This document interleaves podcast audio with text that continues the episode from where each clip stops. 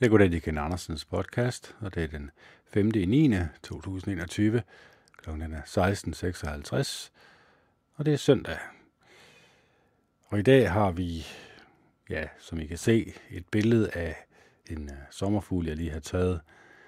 Jeg har jo ligesom lovet jer, at øh, de her videoer, der vil jeg i hvert fald prøve så vidt muligt at øh, give jer et nyt billede hver dag, både i den engelske og den danske podcast, for ligesom at skabe et eller andet nuance, fordi nu har jeg kigget på den her baggrund, jeg har længe nok, og så synes jeg, nu var der i hvert fald mulighed for, da jeg købte den her UCAM, og ikke bare, at det var den her prøveversion, at jeg så også kunne lægge de her billeder op.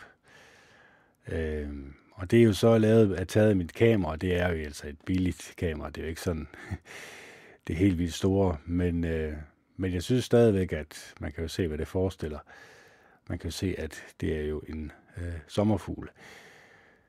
Og øh, jeg prøver ligesom at nogle gange selvfølgelig tage nogle ting med, som jeg mener, øh, der skal tales om, men også så prøver jeg ligesom at koncentrere mig lidt mere om naturen derude, fordi jeg har lige uploadet en engelsk podcast, hvor jeg snakkede meget om øh, det her med at være afhængig af skærmen og hvad det egentlig gør ved os mennesker, og hvad negativ effekt det kan have på os.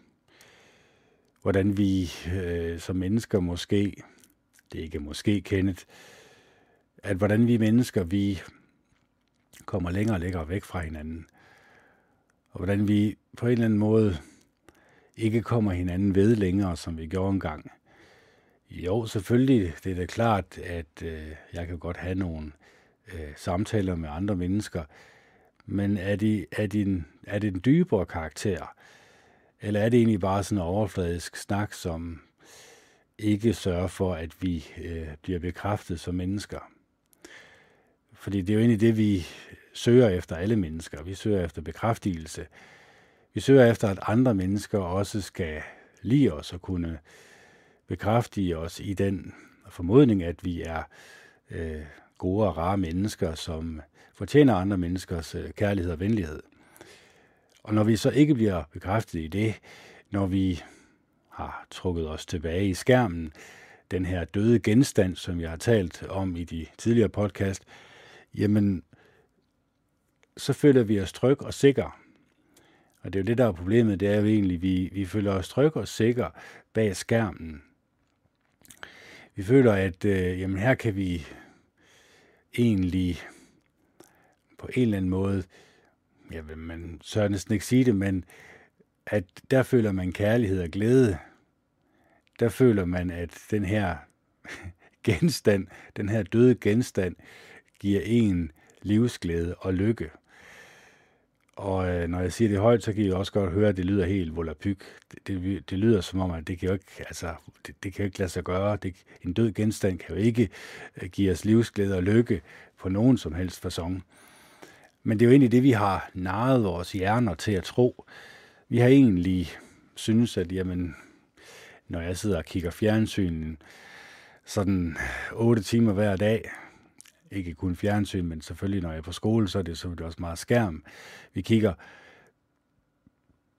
altså skaber det grobund for, at jeg kan føle mig lykkelig og glad indvendigt, øh, når det ikke kan lade sig gøre. Vi søger, øh, vi søger de forkerte steder hen, kan man sige. Så hvor skal vi egentlig søge hen for at finde lykke og glæde i vores liv? Hvor skal vi egentlig søge hen for at vores øh, livsgnist kan komme tilbage igen. Hvor finder vi glæden i livet hen?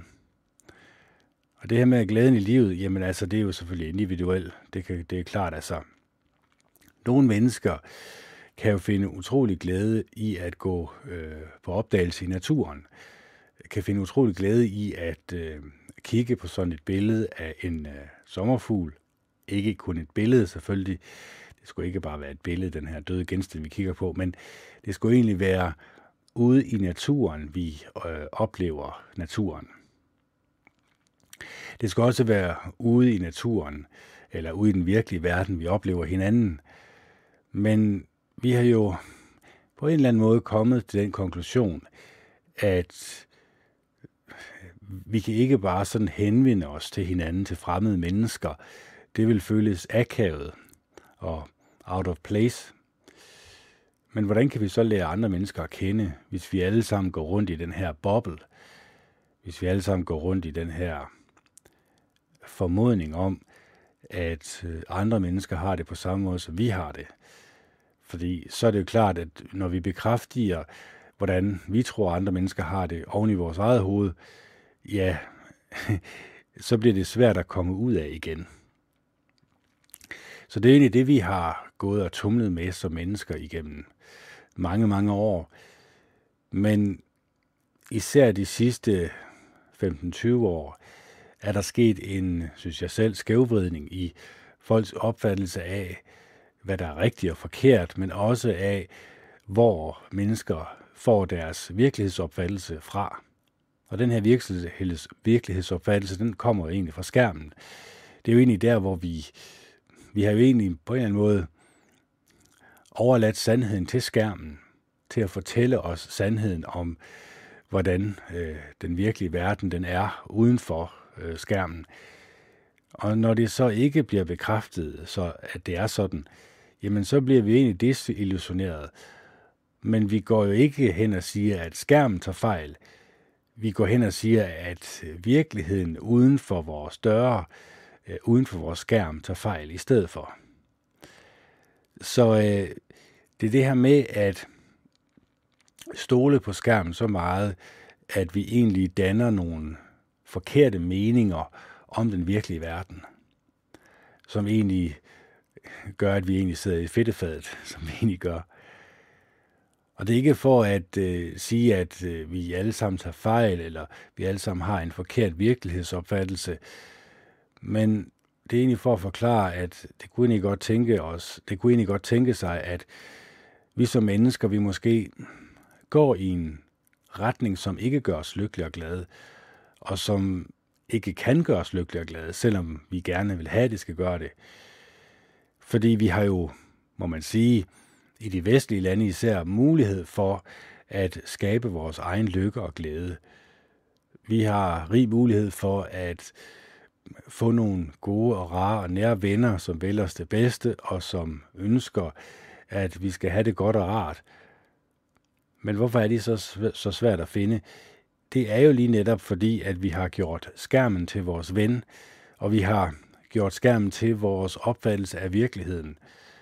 Og det er jo klart, hvis det, øh, det vi beskæftiger vores hjerner med, det er voldelige computerspil og voldelige film, og film, som portrætterer menneskers dårlige egenskaber som noget, vi kan lade os underholde med, øh, samt de asociale medier, hvor at den her afstandstagen, man har til det menneske, man kommunikerer med, enten på Twitter, Instagram eller andet, den skrald, det gør egentlig, at man egentlig føler, at jamen, der sker jo ikke noget ved, at jeg øh, bruger et meget dårligt sprog, øh, et nedladende sprog, et sprog, som ikke er særlig pænt over for mine medmennesker, fordi jeg ikke sidder direkte over for vedkommende, og vedkommende kan se mit ansigt, jamen så gør det ikke så meget, at jeg egentlig sviner vedkommende til på de asociale medier.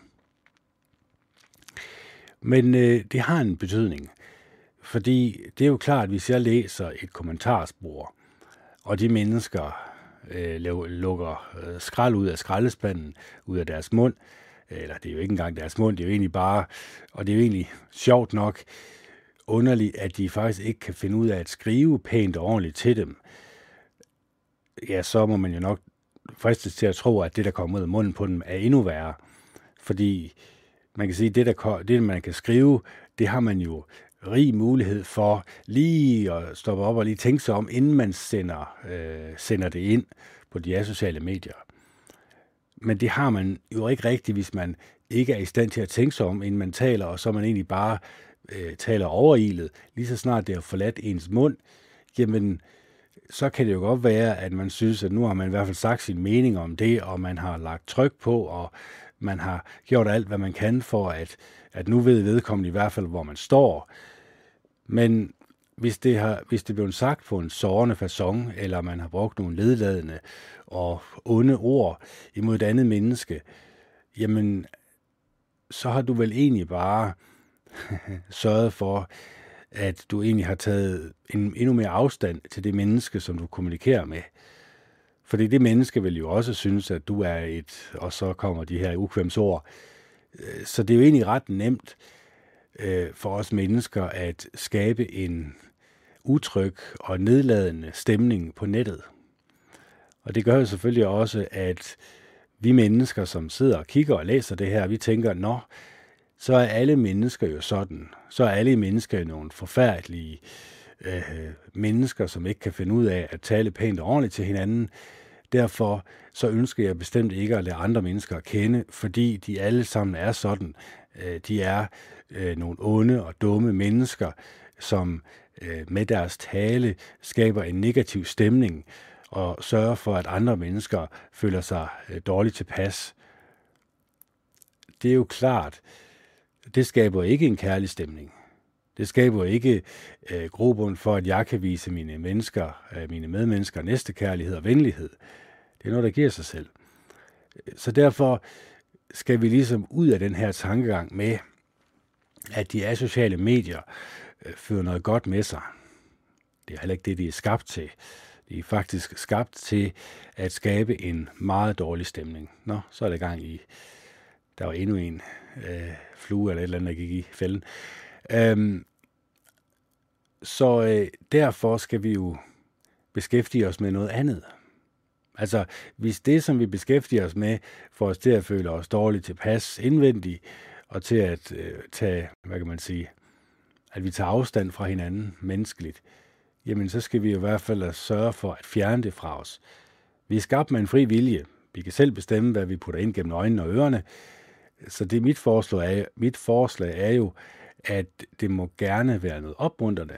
Det må gerne være noget, som har med de positive menneskelige egenskaber at gøre, fordi så tror jeg, at man skaber en positiv stemning inde i sig selv, og så i sidste instans også for de mennesker, som man møder på sin vej. Så det er derfor, at jeg laver den her podcast. Jeg gør det jo af fri vilje selvfølgelig, men jeg gør det også, fordi jeg føler det nødvendigt, at jeg egentlig prøver at tale mig tilbage til et sted, hvor jeg føler mig glad og lykkelig, og hvor jeg beskæftiger mig med noget, som er opmuntrende, og som kan få et smil tilbage på mine læber, sådan at jeg tænker mig om, inden jeg taler, og så min tale kan være opbyggende og opmuntrende. Og det er ikke altid, det lykkes.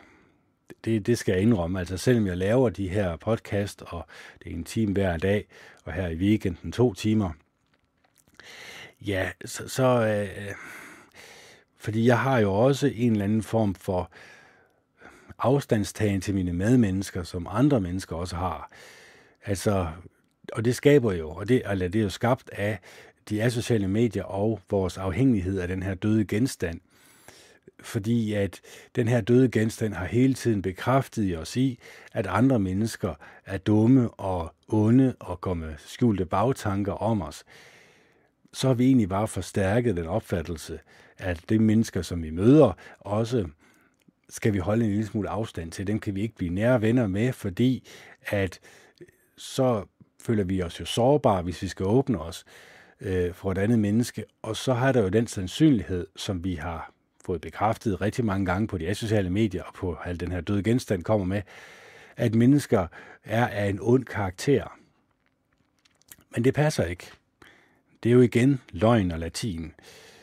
Øh, langt de fleste mennesker kan faktisk godt finde ud af at opføre sig pænt og ordentligt. Langt de fleste mennesker vil gerne bekræftes i, at de er gode og rare mennesker.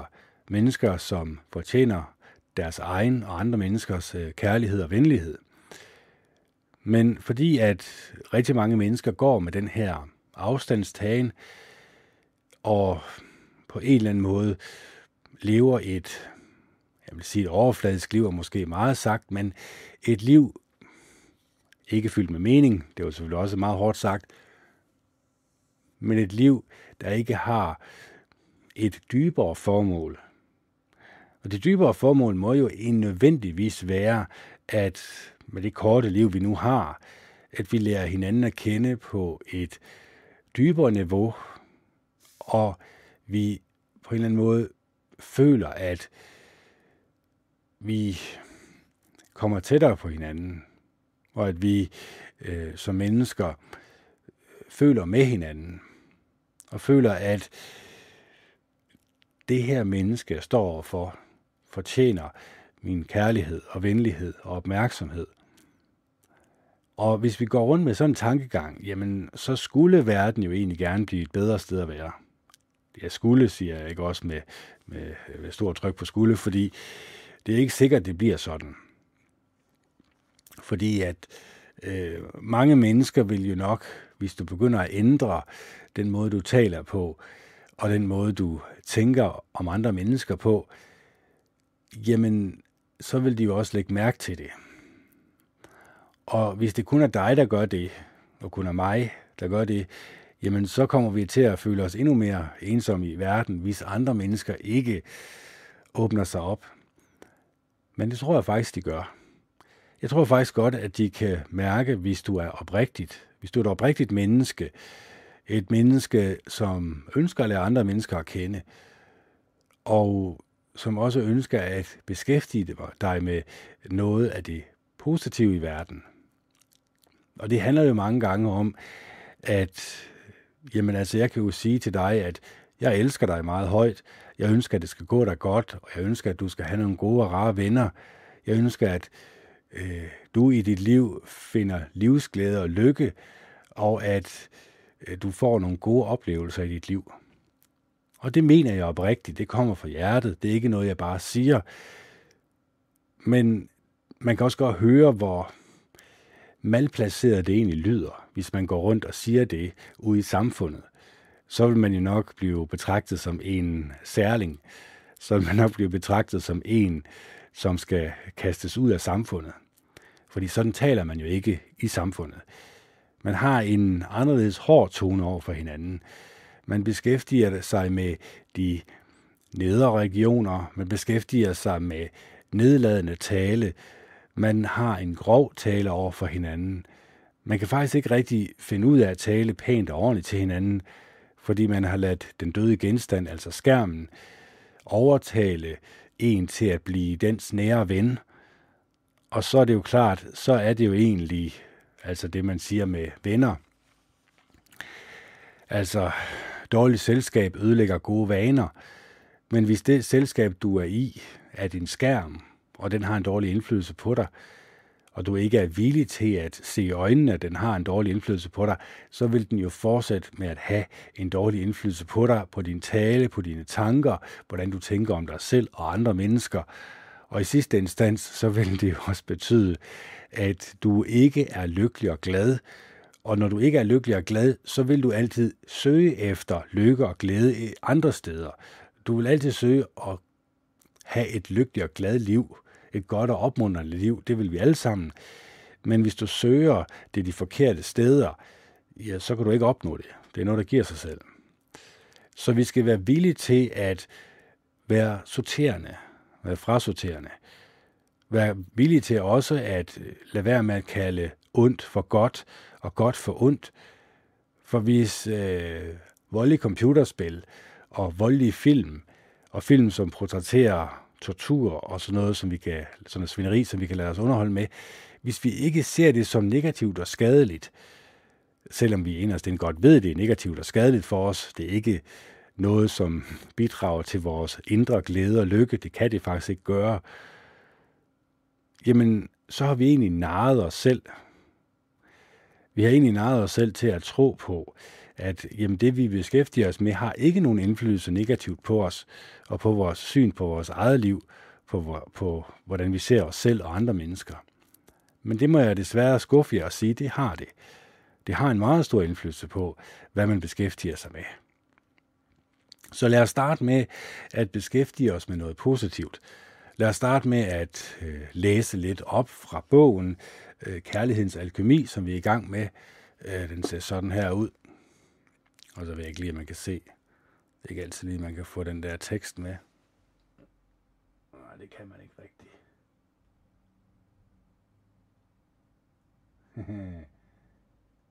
ikke det fjerneste. Jo, det. Nej. Nej, det kan man ikke. Jeg kan læse en høj i stedet for. Det har Ville Hendrix og Helene Lakelly Hunt, som har skrevet den her. Og det kan man skrive på øh, internettet og se Kærlighedens Alkemi.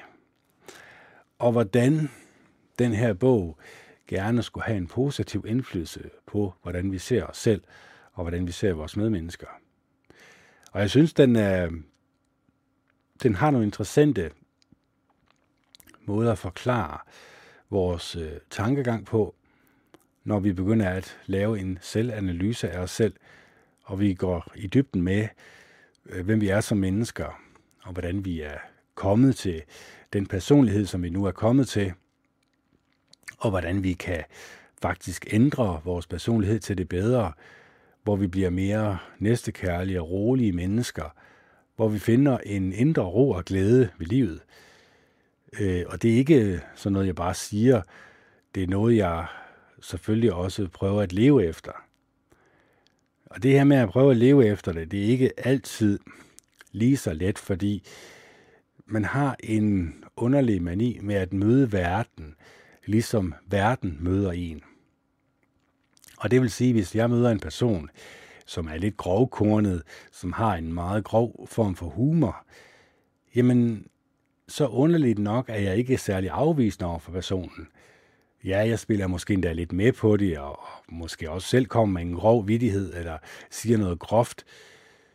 Så øh, den her mani med, at vi også på en eller anden måde kan lade os blive draget og lokket af andre menneskers negative personlighed, det er også noget, jeg er opmærksom på, fordi jeg er også uden at godt klar over, at som jeg selv sagde lige før, hvis jeg taler, ligesom jeg taler i min podcast, øh, øh, uden at møde mennesker, hvor de er i deres personlighed, jamen så er jeg godt klar over, så vil folk jo synes, jeg er underlig.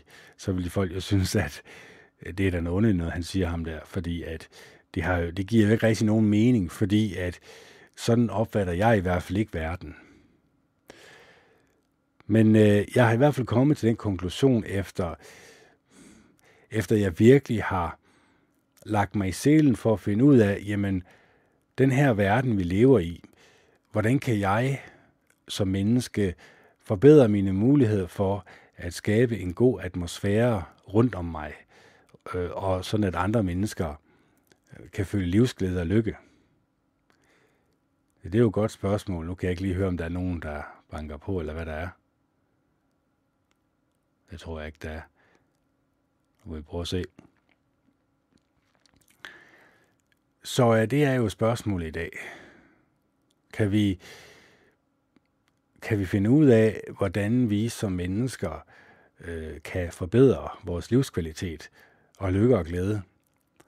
Ja, det er jo lige det. Så det vil vi jo starte med. Jeg synes, vi skal starte med at øh, læse højt, og så kan jeg jo egentlig bare lige, øh, som jeg altid plejer at gøre, øh, lige skifte over en eller andet her. Det er jo næsten lige, hvad det er for en, vi tager. Den der. Ja, det kan vi godt tage. Hvordan det føles.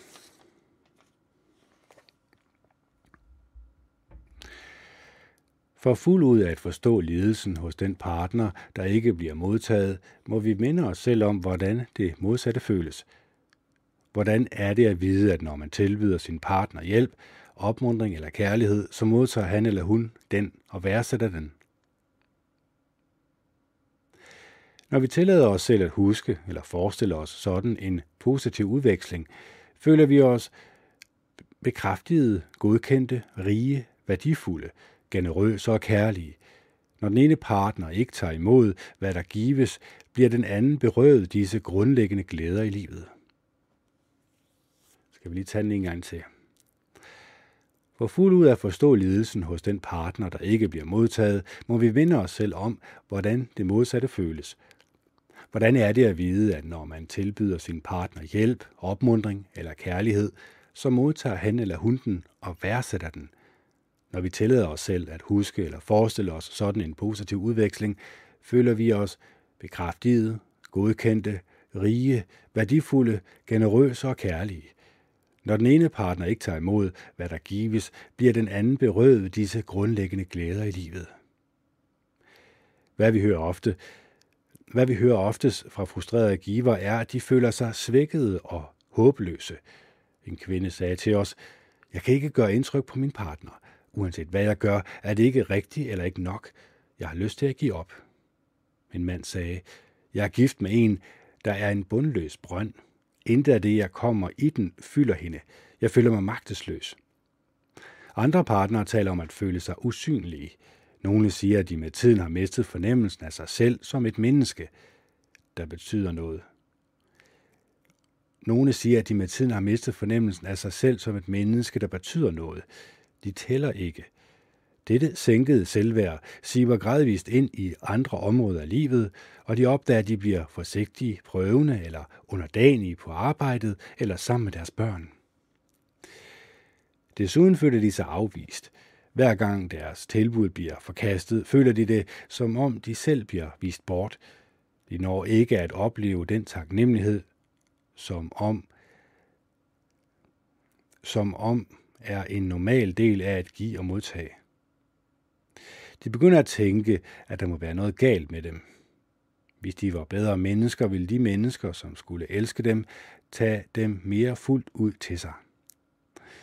På denne måde bliver en skade hos den ikke-modtagende til en skade hos giveren. Med tiden vil en partner som konsekvens blive afvist, gennemgå en selvforkastelsesproces, som ligner den, der i første omgang forårsagede problemet hos den ikke-modtagende, så er der to i parforholdet, som hverken kan give eller modtage, og den ene er meget vred. Hvis man ikke ved, at grunden til, at ens partner ikke kan modtage noget fra en, er, at denne er blevet alvorligt såret, så konkluderer man, at man bliver dårligt behandlet på grund af ligegladhed eller ondskabsfuldhed. Nogle mennesker reagerer ved at forblive vrede, og nogen vender vreden indad og bliver nedtrykt. Så hvordan det føles, når ens øh, partner afviser en? Ja, man kan jo tage det modsatte. Hvordan føles det, når at ens partner viser en kærlighed og venlighed, og når man modtager den her, eller man føler, at partneren modtager sin kærlighed?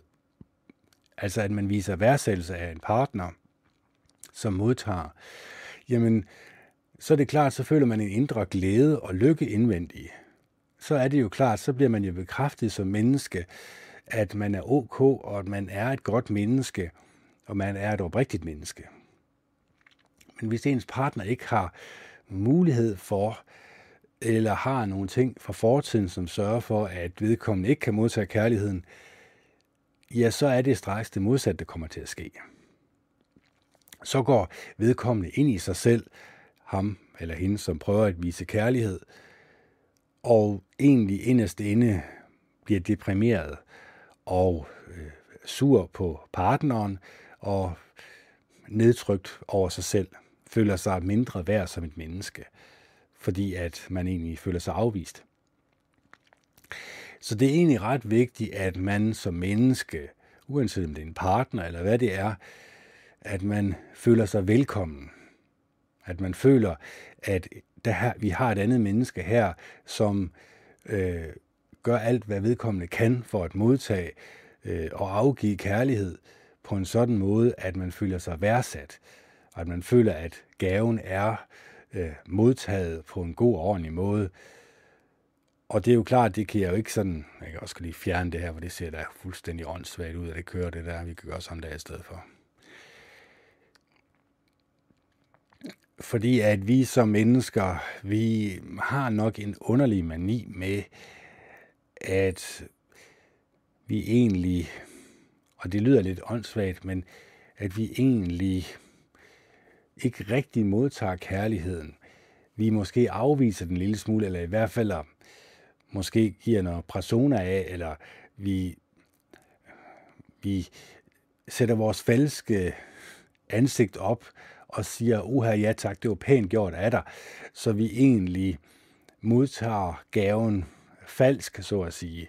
At det egentlig er falsk kærlighed, som, som giveren egentlig føler. Og det kan giveren selvfølgelig godt mærke, at der er et eller andet off her. At øh, ja, det kan godt være, at man ikke lige øh, fortæller sandheden her. Og det gør selvfølgelig også, at man i endnu højere grad kan føle sig såret, hvis øh, en ikke afviser, men afviser på en pæn måde, det kan man stadigvæk føle som en afvisning. Så øh, selvom vedkommende, eller selvom jeg modtager en gave, hvis jeg ikke viser værdsættelse, altså oprigtig værdsættelse, og ikke en eller anden form for falsk værdsættelse, bare for ikke at såre vedkommende, jamen det er klart, det kan vedkommende godt mærke. Og det, når det giver sig selv, hvis man bliver ved med det, og ikke ønsker at komme til bunds af, hvorfor man egentlig afviser at modtage en gave, afvise at modtage en kær, altså modtage kærlighed, så må man egentlig spørge sig selv, hvorfor? Fordi det er jo igen rigtig nemt for os at pege fingre ud af. Det er faktisk det, vi gør, når vi har gjort øh, skærmen, den døde ting, eller den døde genstand, øh, til vores øh, nærmeste ven. Så, øh, så er spørgsmålet jo så, kan vi komme ud af det? Kan vi begynde at ændre den måde, vi tænker om os selv på? Og måske også gå i dybden med, hvorfor vi afviser øh, kærlighed fra vores medmennesker. Det kan jo være fra barndommen, som bogen også kommer ind på. Det kan jo være, at øh, vi måske har haft nogle traumatiske oplevelser i vores barndom. Det kan også være, at vi har haft nogle forældre, som har i deres opførsel vist, at det med at modtage kærlighed, det er ikke noget, man gør. Det er faktisk noget, man skal afvise. Og det har man jo så lært som barn at gøre. Og det har man så taget med i voksenlivet. Så øh, vores sociale arv er jo selvfølgelig også vores arv fra vores forældre, ikke kun vores nærmiljø. Så vi skal ligesom også være klar over, jamen, hvordan kan jeg som menneske forbedre den måde, jeg tænker om mig selv på, og den måde, jeg modtager kærlighedsgaver på. Det kan jo være, at der er et andet menneske, som er generøs, og som, ja, hvad kan man sige, på en eller anden måde giver en gave. Det kan være et måltid mad, eller det kan egentlig bare være øh, et andet menneske, som giver dig opmærksomhed, og som lytter oprigtigt til, hvad du har at sige. Hvis du så ikke lytter opmærksom til, hvad vedkommende har at sige, så føler vedkommende sig selvfølgelig ikke kun afvist, men også ikke værdsat. Så vi skal ligesom være opmærksom på, at når vi er i en oprigtig samtale, så skal vi selvfølgelig også gøre alt, hvad vi kan for fortsat med at have den her opmærksomhed. Og det kan godt være svært, når vi er vant til skærmen, vi er vant til hvad kan man sige, den her meget korte korttidsudkommelse, vi render rundt med. Det her med, at vi hele tiden skal have vores endorfiner tilfredsstillet. Vi skal hele tiden, der skal hele tiden ske noget. Der skal hele tiden være et eller andet usædvanligt, der sker fra skærmen af. Så kommer vi nok også til den konklusion, at når vi så er i en dyb samtale med et andet menneske, jamen så mister vi vores øh, koncentration efter ikke ret lang tid, fordi vi ikke føler, at der sker noget rigtigt. Man kan være, det kan være, at ens tanker flyver på langfart, og man så ikke virkelig lytter efter, hvad der bliver sagt. Og det er jo selvfølgelig klart, det er ikke, en, øh, det er ikke et positivt øh, menneskesyn. Og det er noget, vi skal bekæmpe. Det er noget, vi skal være klar over. Øh, kan ske meget nemt, fordi vi har en meget kort korttidshukommelse, eller ja, jeg kan ikke huske, hvad de siges på, på dansk, men det er på engelsk noget igen med uh, memory span, eller expansion of the memory, eller altså, at vi måske kun lige kan koncentrere os i 5-10 minutter, det havde jeg også en bog om, hvordan manden egentlig, hvis du skal sige noget til en mand, jamen, uh, så skal du være klar over, at det kan godt være, at vedkommende kan koncentrere sig i måske maks 20 minutter, og det er max, fordi så vil vedkommende drifte off og tænke på noget andet, så vil vedkommende være fraværende. Og det er klart, en kvinde kan nok ikke holde øh, en samtale under 20 minutter. Sjovt Øh, der skal i hvert fald snakkes igennem et par timer i det mindste. Og så skal kvinden jo nok lige give mulighed for, at manden ligesom kan lige synke lige, og så lige give ham lige ro til lige at, og få det her ned i hjernen også. øh, og ned i hjertet, sådan at det ikke bare er en overfladisk samtale, man har. Og så kan man faktisk, hvis man skulle genfortælle samtalen, ikke rigtig huske en skid af, hvad der blev sagt. Og det har jeg også desværre haft mange samtaler, hvor jeg egentlig ønskede, at hvis jeg nu egentlig bare kunne huske dem her samtaler, så kunne det egentlig være en fordel. Men øh, så går jeg der så en halv time eller en time, og så er jeg i en anden samtale, og så kan jeg faktisk ikke rigtig huske, hvad der egentlig blev sagt. Øh, lidt irriterende, men øh, ja. Og det er jo også en, et problem for mig, at jeg også øh, drifter væk. Altså min hjerne har også en mani med øh, i samtale med øh, et andet menneske, at hvis jeg ikke føler, at det er interessant, jamen så i stedet for egentlig at stoppe op og sige, at øh, jeg har svært ved lige at koncentrere mig om, hvad du siger, kan du lige give mig fem minutter, så kan vi lige vende tilbage igen. Så vil det vil man jo ikke gøre, fordi så vil man jo synes, at ah, det sår i et andet menneske. Men det sår jo faktisk et andet menneske dybere, hvis at vedkommende, hun taler i de næste to timer, og så har man ikke hørt en skid af, hvad hun har sagt. Sjov kendt. Øhm, så derfor er det jo ret vigtigt, at øh, vi også lærer at øh, koncentrere os. Og vi også lærer, at den her skærm, den her døde genstand, vi har gjort til vores ven, ikke er vores ven, men faktisk på en eller anden måde er vores fjende, når det handler om at komme tættere på et andet menneske. Vi fortsætter, for det er så spændende, at man kan næsten ikke... Altså, det er jo simpelthen... Det er så spændende, det du siger, Ken, at øh, vi uh, står på tåspidser her for at lytte efter. Eller så kan det også godt være, at I alle sammen er faldet i en søvn, eller I også har lavet jeg har også lavet jeres tanker flyve på vand på, på langfart. Nå, vi skal videre i teksten. Det at give og modtage er en del af det samme system. Mange faktorer indgår i skabelsen af det, individ, undskyld, af det indviklede system af interaktioner, som udgør et fast parforhold. Men hvis vi isolerer en af de faktorer, hvor let eller svært det er for den ene eller begge partner at modtage kærlighed, kan vi få et overblik over, hvordan hele parforholdet påvirkes. Hvis vi for eksempel leder efter kærlighed, er det usandsynligt, at vi modtager den, fordi vi befinder os i den søgende frem for i den modtagende tilstand. Hvis vi kræver kærlighed, får vi den ikke, fordi kærlighed ikke overlever, når den ene partner fungerer ud fra en så fattig stilling. Hvis vi forventer kærlighed, kan vi ikke modtage den, fordi det at gøre det vil betyde at ændre den forventningsbevidsthed, som vi er knyttet til. Parforhold er ikke det samme som det at være forbundne.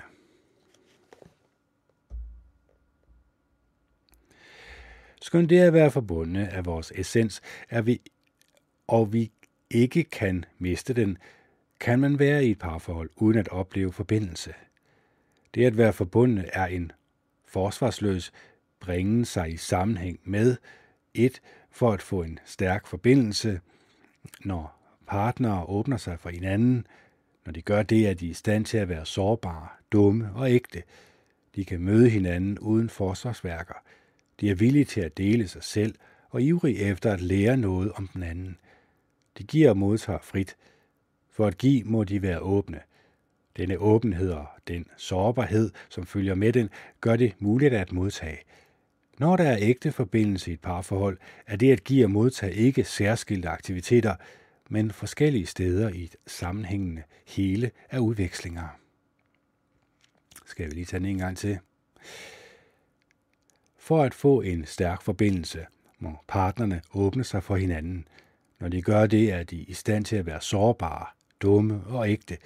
De kan møde hinanden uden forsvarsværker. De er villige til at dele sig selv og ivrige efter at lære noget om den anden. De giver og modtager frit. For at give må de være åbne. Denne åbenhed og den sårbarhed, som følger med den, gør det muligt at modtage. Når der er ægte forbindelse i et parforhold, er det at give og modtage ikke særskilte aktiviteter, men forskellige steder i et sammenhængende hele af udvekslinger. Selvfølgelig er det muligt at have et parforhold uden at have en forbindelse som denne. Man kan også tale sammen og dele uden at have ægte nærhed. Partnerskaber kan bestemt være til uden øh, forbindelse, som de fleste af dem er. eftersom forbindelse afhænger af et ønske om og en villighed til både at give sig selv og at modtage den anden, er ikke at modtage ligesom at stikke et kæp ind i ærerne i et cykelhjul. Det stanser udfoldelsen. Hjulet drejer ikke længere, så det driver cyklen fremad. Hvis den ene eller begge parter ikke kan modtage i et parforhold, blokeres den sunde given og modtagen, som definerer forbindelsen, og den bryder sammen. Et skævt haltende system af interaktioner overtager dens plads, men det er ikke ægte forbindelse, og det er ikke ægte kærlighed. Så øh, det her med at modtage og afgive som en ægte menneske, eller som et menneske, som stoler på sin partner, ja, det er utrolig vigtigt. Det er jo utrolig vigtigt, at man som menneske føler, at det her andet menneske, det kan stole på en, og det er oprigtig over for en, og også sårbar over for en, og man selv er sårbar over for vedkommende, fordi så skaber du, så skaber du den her forbindelse til det andet menneske på et dybere plan. Så er det ikke bare det seksuelle, øh, og så er det ikke bare sådan et overfladisk forhold, som mange mennesker nok har, hvis de sådan skal være meget ærlige over for sig selv og hinanden. Så skabes der ikke rigtig muligheder for, at det her parforhold kunne være et smukt parforhold. Og det er jo nok også fordi, at øh, mennesker, de sætter sig ikke ned en, en uge eller en gang i ugen, og så taler de tingene igennem ærligt og redeligt over for hinanden. Også de ting, som man tænker kunne såre et andet menneske, så kunne såre sin partner, der er det ret vigtigt, at man slår sin hjerne helt fra, sine forsvarsværker, forsvarsværker helt fra, og så siger sin ærlige mening. Selvfølgelig, man bruger ikke onde ord mod hinanden, men man på en konstruktiv måde siger, hvad man selv føler om noget, som man egentlig går og det går egentlig og nager en. Så er det med at komme ud med det. Helst gerne en gang i ugen, hvor man sætter sig ned en time eller to, eller hvis man er sammen med en kvinde, så kan det jo godt tage en hel dag. Nej, men sjovkendt. Øh, men så får man talt tingene igennem. Så får man de ting, som der går nære ind på bordet, og så lytter man opmærksom til, hvad ens partner siger til en. Se, det lyder jo godt, kendt. Hvordan kan du sige det? Har du selv en øh, kæreste eller partner? Nej, det har jeg ikke. Jeg har ikke haft en i 20 år, så det er jo meget nemt for mig altså, at lukke en hel masse ævl ud. Det er jo straks sværere, når man er i situationen, det er jeg godt klar over. Det er samme med børneopdragelse. Jeg kan snilt opdrage på andre menneskers børn. Det er noget af det nemmeste i verden for mig. Altså, det, altså jeg har læst mange bøger om børneopdragelse og alt det der, så det er utrolig nemt for mig, når jeg ikke selv har børn, og sige, at det er der, der problemet det er, I skal bare gøre sådan og sådan, og whoopsie, så er der lige paradis på, på alle hylder. Jeg er godt klar over, at det er ikke sådan, det hænger sammen. Og jeg er også godt klar over, at jeg skal, jeg skal heller ikke blande mig i andre menneskers liv, men jeg skal blande mig i mit eget liv. Og derfor, det er også derfor, jeg laver den her podcast, fordi så ved jeg også godt, at inderst inde, når jeg begynder at pege fingre ud af, ja, så kommer jeg nok også til at pege fingre ind af hos mig selv, og egentlig spørge mig selv, jamen, øh, er der nogle steder her, Kenneth, du måske også, øh, at du måske også lige skulle hanke op i dig selv, og sørge for, at du også kommer på bedre tanker. Fordi det her med at forbedre sig selv, det skal man jo være villig til at gøre. Og det øh, synes jeg jo selv, jeg er villig til at gøre, ja, til en vis grænse, og jeg kan godt se, at når, jeg begynder, når det begynder at gå lidt for tæt på, og ah, så, så synes jeg, så må jeg hellere finde fjernsyn eller et eller andet for den døde genstand, fordi øh, så, så får jeg i hvert fald fokus væk fra mig selv jo. Så jeg er udmærket godt klar over, at det ikke lige er det nemmeste, jeg har taget op. Men jeg er også godt klar over, at det er gavnligt for mig at gøre det her en gang om dagen, fordi så gør jeg jo egentlig også det, at jeg fortæller mig selv, at der er ting, jeg skal forbedre mig på. Altså, der er nogle steder i min personlighed, som jeg bliver nødsaget til at adressere, fordi jeg ved, at jamen, jeg kan jo lige så nemt som alle mulige andre i et parforhold eller i interaktion med mine medmennesker komme til at sige noget, som kan såre. Jeg kan måske gå for tæt på, eller stille for personlige spørgsmål, eller på en eller anden måde gøre noget, som jeg inderst inde godt ved, nu når jeg har læst og de her ting, jamen så ved jeg, okay, her skal jeg lige sørge for at lige holde lidt igen, fordi der er ingen grund til, at jeg går så tæt på, at et andet menneske ikke kun føler sig sårbar, men også udsat. Så, så det er også lidt om ligesom det der med at finde balancen også, sådan at det ikke bliver alt for personligt.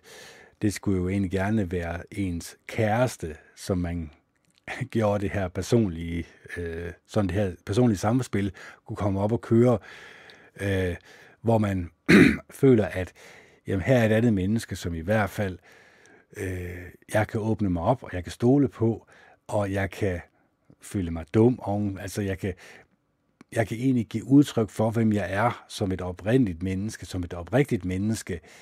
Det har jeg lidt sværere ved, når jeg er ude i samfundet, fordi at vi udmærket godt ved, at hvis man øh, siger noget forkert eller dummer sig, jamen så er der jo en helt stribe mennesker, som er klar til at drive rovdrift på en og øh, fortælle mange dårlige ting om en. Så, så derfor holder man sig lidt bort fra det.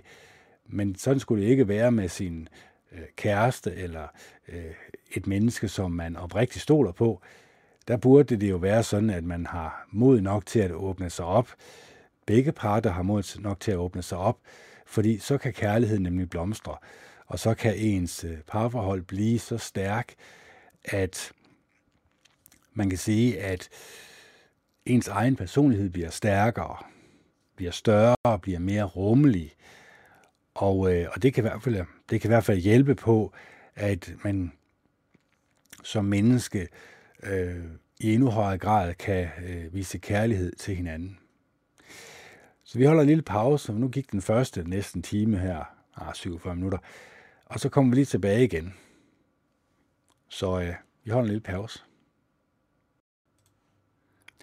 Ja, så er jeg tilbage igen.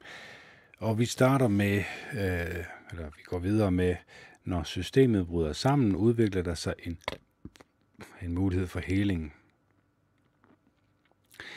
Som vi har set i vores redegørelse for Imago-overensstemmelsen, vil din partner, når du engagerer dig i et fast parforhold, som regel reagere på dine tilskyndelser på samme måde, som dine forældre gjorde. Når alt kommer til alt, har du engageret dig i en, der deler træk med den forælder, som du havde mest besvær med. Som sådan er det sandsynligt, at du kommer til at høre en gentagelse af, du tænker for meget, du føler for meget, du vil aldrig røre ved mig – jeg ville ønske, at du fortalte mig mere om dine følelser. Jeg ville ønske, at du kunne tænke på en logisk tanke, eller tænke en logisk tanke. Eftersom du har oplevet disse sår på dit jeg før, bliver din ubevidste selvforkastelse forstærket i dit parforhold. Dette betyder, at I begge er blevet såret, begge har forkastet dele af jer selv, og begge vil have et eller andet omfang af besvær med at modtage kærlighed. Det vil aldrig forekomme, at den ene partner i et forhold bærer på ubevidst øh, selvforkastelse, og den anden er fri for den. Den findes hos alle i et eller andet omfang, så når vi fokuserer på den partner, der har besvær med at modtage kærlighed, taler vi egentlig om begge parter, og begge ligner hinanden meget, hvad angår evnen til at lukke kærlighed ind, selvom det er sandsynligt, at parterne bliver såret på lignende måder og har komplementære forsvarsværker, er det også sandsynligt, at de har oplevet forskelle, hvad angår alvorligheden af deres sår og graden af deres helbredelse. Den ene kan være i stand til at give, og den anden kan være tilbøjelig til at tage, men begge har besvær med at modtage. Selvfølgelig betyder to involverede menneskers enestående beskaffenhed, at hver enkelt par har en karakteristisk måde, hvorpå det modtager eller afviser gaver – der støtter følelsesmæssigt eller hjælper materielt. Temmelig tidligt øh, skabes der rutiner, som er svære at bryde. Det kan være ubalancerede rutiner i den forstand, at øh, parterne partnerne ikke giver og modtager i samme omfang, men begge har en investering i den rutine, der nu måtte fungere. Tilskyndelsen går i retning af systemets stabilitet. Par er uvillige til at ændre vante interaktioner til uvante, for i det mindste på parforholdsområdet er det, der er nyt, skræmmende. Med tiden kan parterne dog ved hjælp af konstruktiv oplysning og vedvarende omhu lære at dele indsigter og viden med hinanden, som fører til heling. De kan gøre dette bedre for hinanden, end nogen anden kan. Det at få vores partners kærlige og klart Øh, opfattede indsigter giver os mulighed for at se de dele af os selv, som er gået tabt for bevidstheden, og som vi er nødt til at arbejde mest med. I form af et nydeligt stykke symmetri afslører nære parforhold vores mangel på helhed, samtidig med at de giver os den bedste mulighed for at genoprette den. Kun i parforhold kan vi finde ud af, hvilke dele af os selv, der er gået tabt, og hvordan vores mistede jeg har udformet den måde, hvorpå vi elsker, arbejder og leger. Vores partner har nøglen til det, som er blevet tabt af syne, miskrediteret og glemt i os. Faktisk beder partneren os om at bringe det tilbage til bevidstheden. Partneren kalder os til helhed.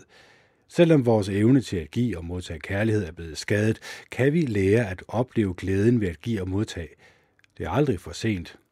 Nøglen er at lære, hvordan vi på ægte måde kan forhindre os med det ene menneske, som, undskyld, hvordan vi på ægte måde kan forbinde os med det ene menneske, som står os nærmest. I næste del af bogen vil vi finde ud af, hvorfor der er god grund til at tro, at selv ægtepar med flere års dårlig kommunikation og mistillid bag sig kan helbrede deres individuelle sår og skabe et livskraftigt, styrkende forhold.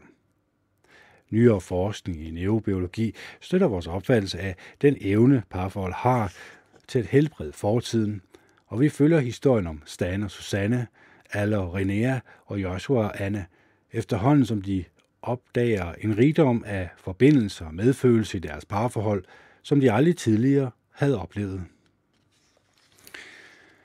Og så er vi kommet til anden del af bogen, Løsningen.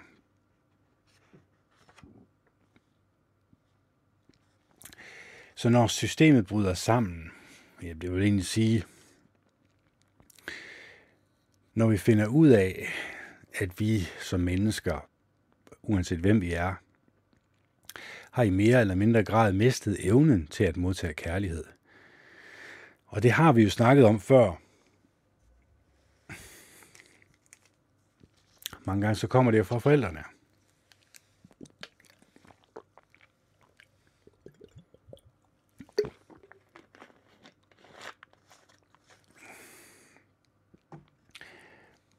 Og det egentlig er øh, forældrenes opdragelse, eller mangel på opdragelse,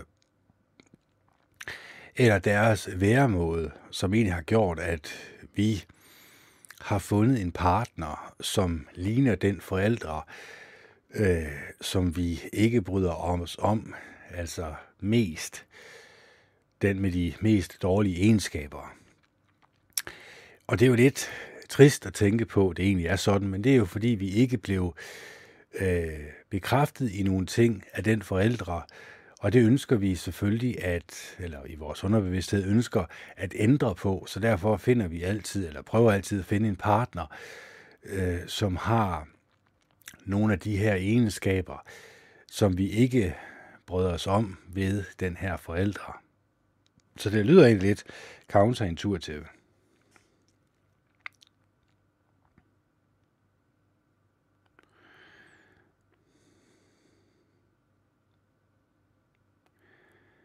Skal jeg lige se efter, hvor vi kan finde hende.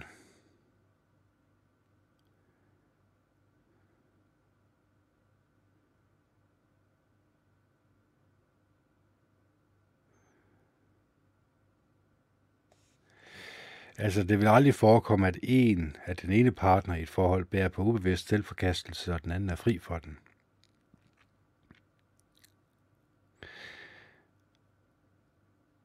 Så det er egentlig med at finde ud af, hvor man i sit forhold til sine forældre, som der står her, som vi har set i vores redegørelse for Imago og overensstemmelsen, vil din partner, når du engagerer dig i et fast parforhold, som regel reagere på dine tilskyndelser på samme måde, som dine forældre gjorde. Når alt kommer til alt, har du engageret dig i en, der deler træk med den forældre, som du havde mest besvær med. Som sådan er det sandsynligt, at du kommer til at høre en gentagelse af, du tænker for meget, du føler for meget, du vil aldrig røre ved mig, Jeg ville ønske, du fortalte mig mere om dine følelser. Jeg ville ønske, at du kunne tænke en logisk tanke. Efterhånden som du har oplevet disse sår på dit jeg før, bliver din ubevidste selvforkastelse forstærket i dit parforhold. Dette betyder, at I begge er blevet såret, begge har forkastet dele af jer selv, og begge vil have et eller andet omfang af besvær med at modtage kærlighed.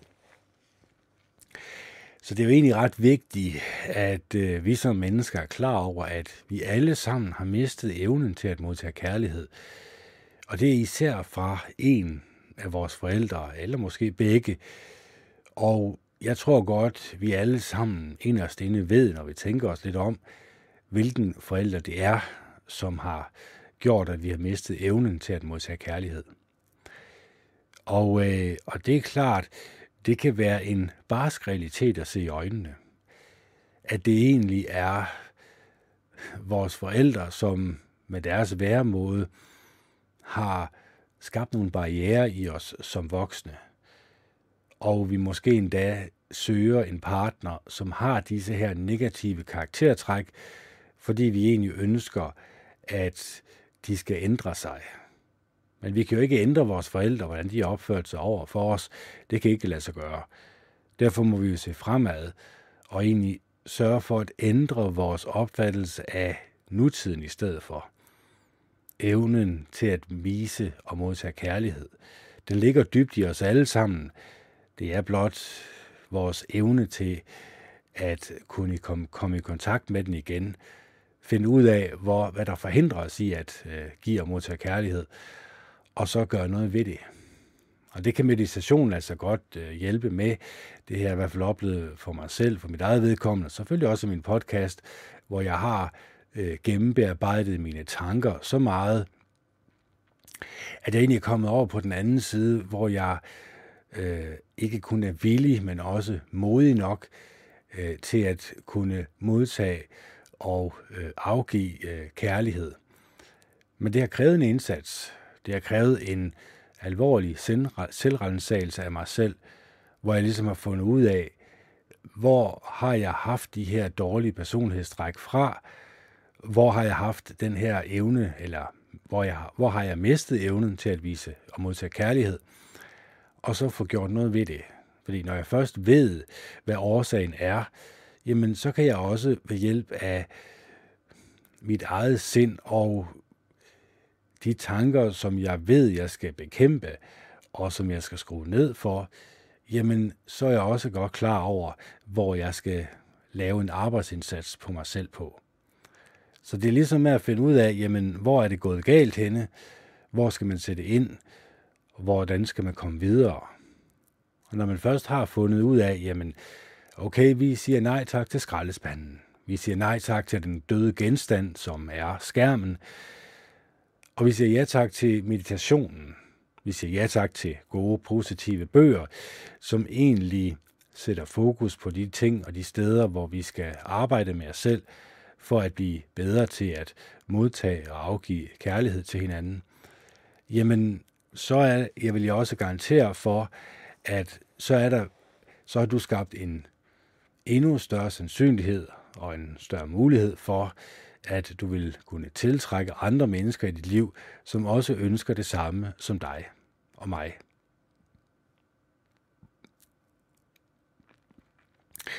Så vi går videre i teksten her. Vi går videre med den sidste, og måske mest afgørende del af bogen, nemlig løsningen. Så øh, nu kommer vi til kapitel nummer 6, videnskaben om parforhold. Jeg, jeg ændrer lige min position her.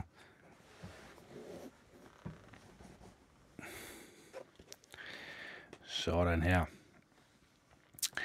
Så videnskaben om parforhold. Jeg føler det som om, vi har fået en chance til. Vi har aldrig for set en bringe orden i sagerne. Vi har længe hævdet, at sår kan helbredes. Selvforkastelse kan overvindes – og parforhold kan bedres. Vi ved det, fordi vores kliniske erfaring underbygger det, og vores personlige erfaring bekræfter det. Men vi har nu en yderligere kilde til forståelse og håb for par, som ønsker at få et bedre grundlag for forholdet. Denne nye viden kommer til os fra tekniske fremskridt inden for neurovidenskaben. Det forskere erfarer giver os god grund til at tro, at par ved hjælp af en bevidst indsats kan lære at erstatte negative interaktionsmønstre med positive. Vi ved mere om, hvordan mennesker kan hjælpes til at forandre sig, end vi nogensinde vidste. At rette op på manglerne. Unge kvinder får altid rådet, gift dig aldrig med en mand med den tanke, at du kan forandre ham. Enten må du acceptere ham, som han er, eller lade være med at gifte dig med ham. Det er sandsynligvis et godt råd, men kendskærningen er, at mennesker faktisk forandrer sig, afhængig af det parforhold, de befinder sig i. Under en ægtefælles ømme, kærlig omsorg kan et generet menneske blomstre. Et anspændt menneske kan lære at slappe af, og en fedtsyl kan lære at blive mere generøs. Det rigtige parforhold kan hjælpe en partner til at blive mere nysgerrig, udtryksfuld og bedre til at omgås andre. Og det forkerte kan få det samme menneske til at blive reserveret, stift og frygtsom. Dette kapitel redegør for, hvor vigtigt parforhold er med hensyn til at bestemme, hvem vi er og hvem vi bliver. Men for at forstå, hvorfor så mange mennesker når voksenalderen uden at kunne modtage kærlighed, må vi forstå de kræfter, som forvandler et modtageligt spædbarn til en forkastet eller forskanset voksen.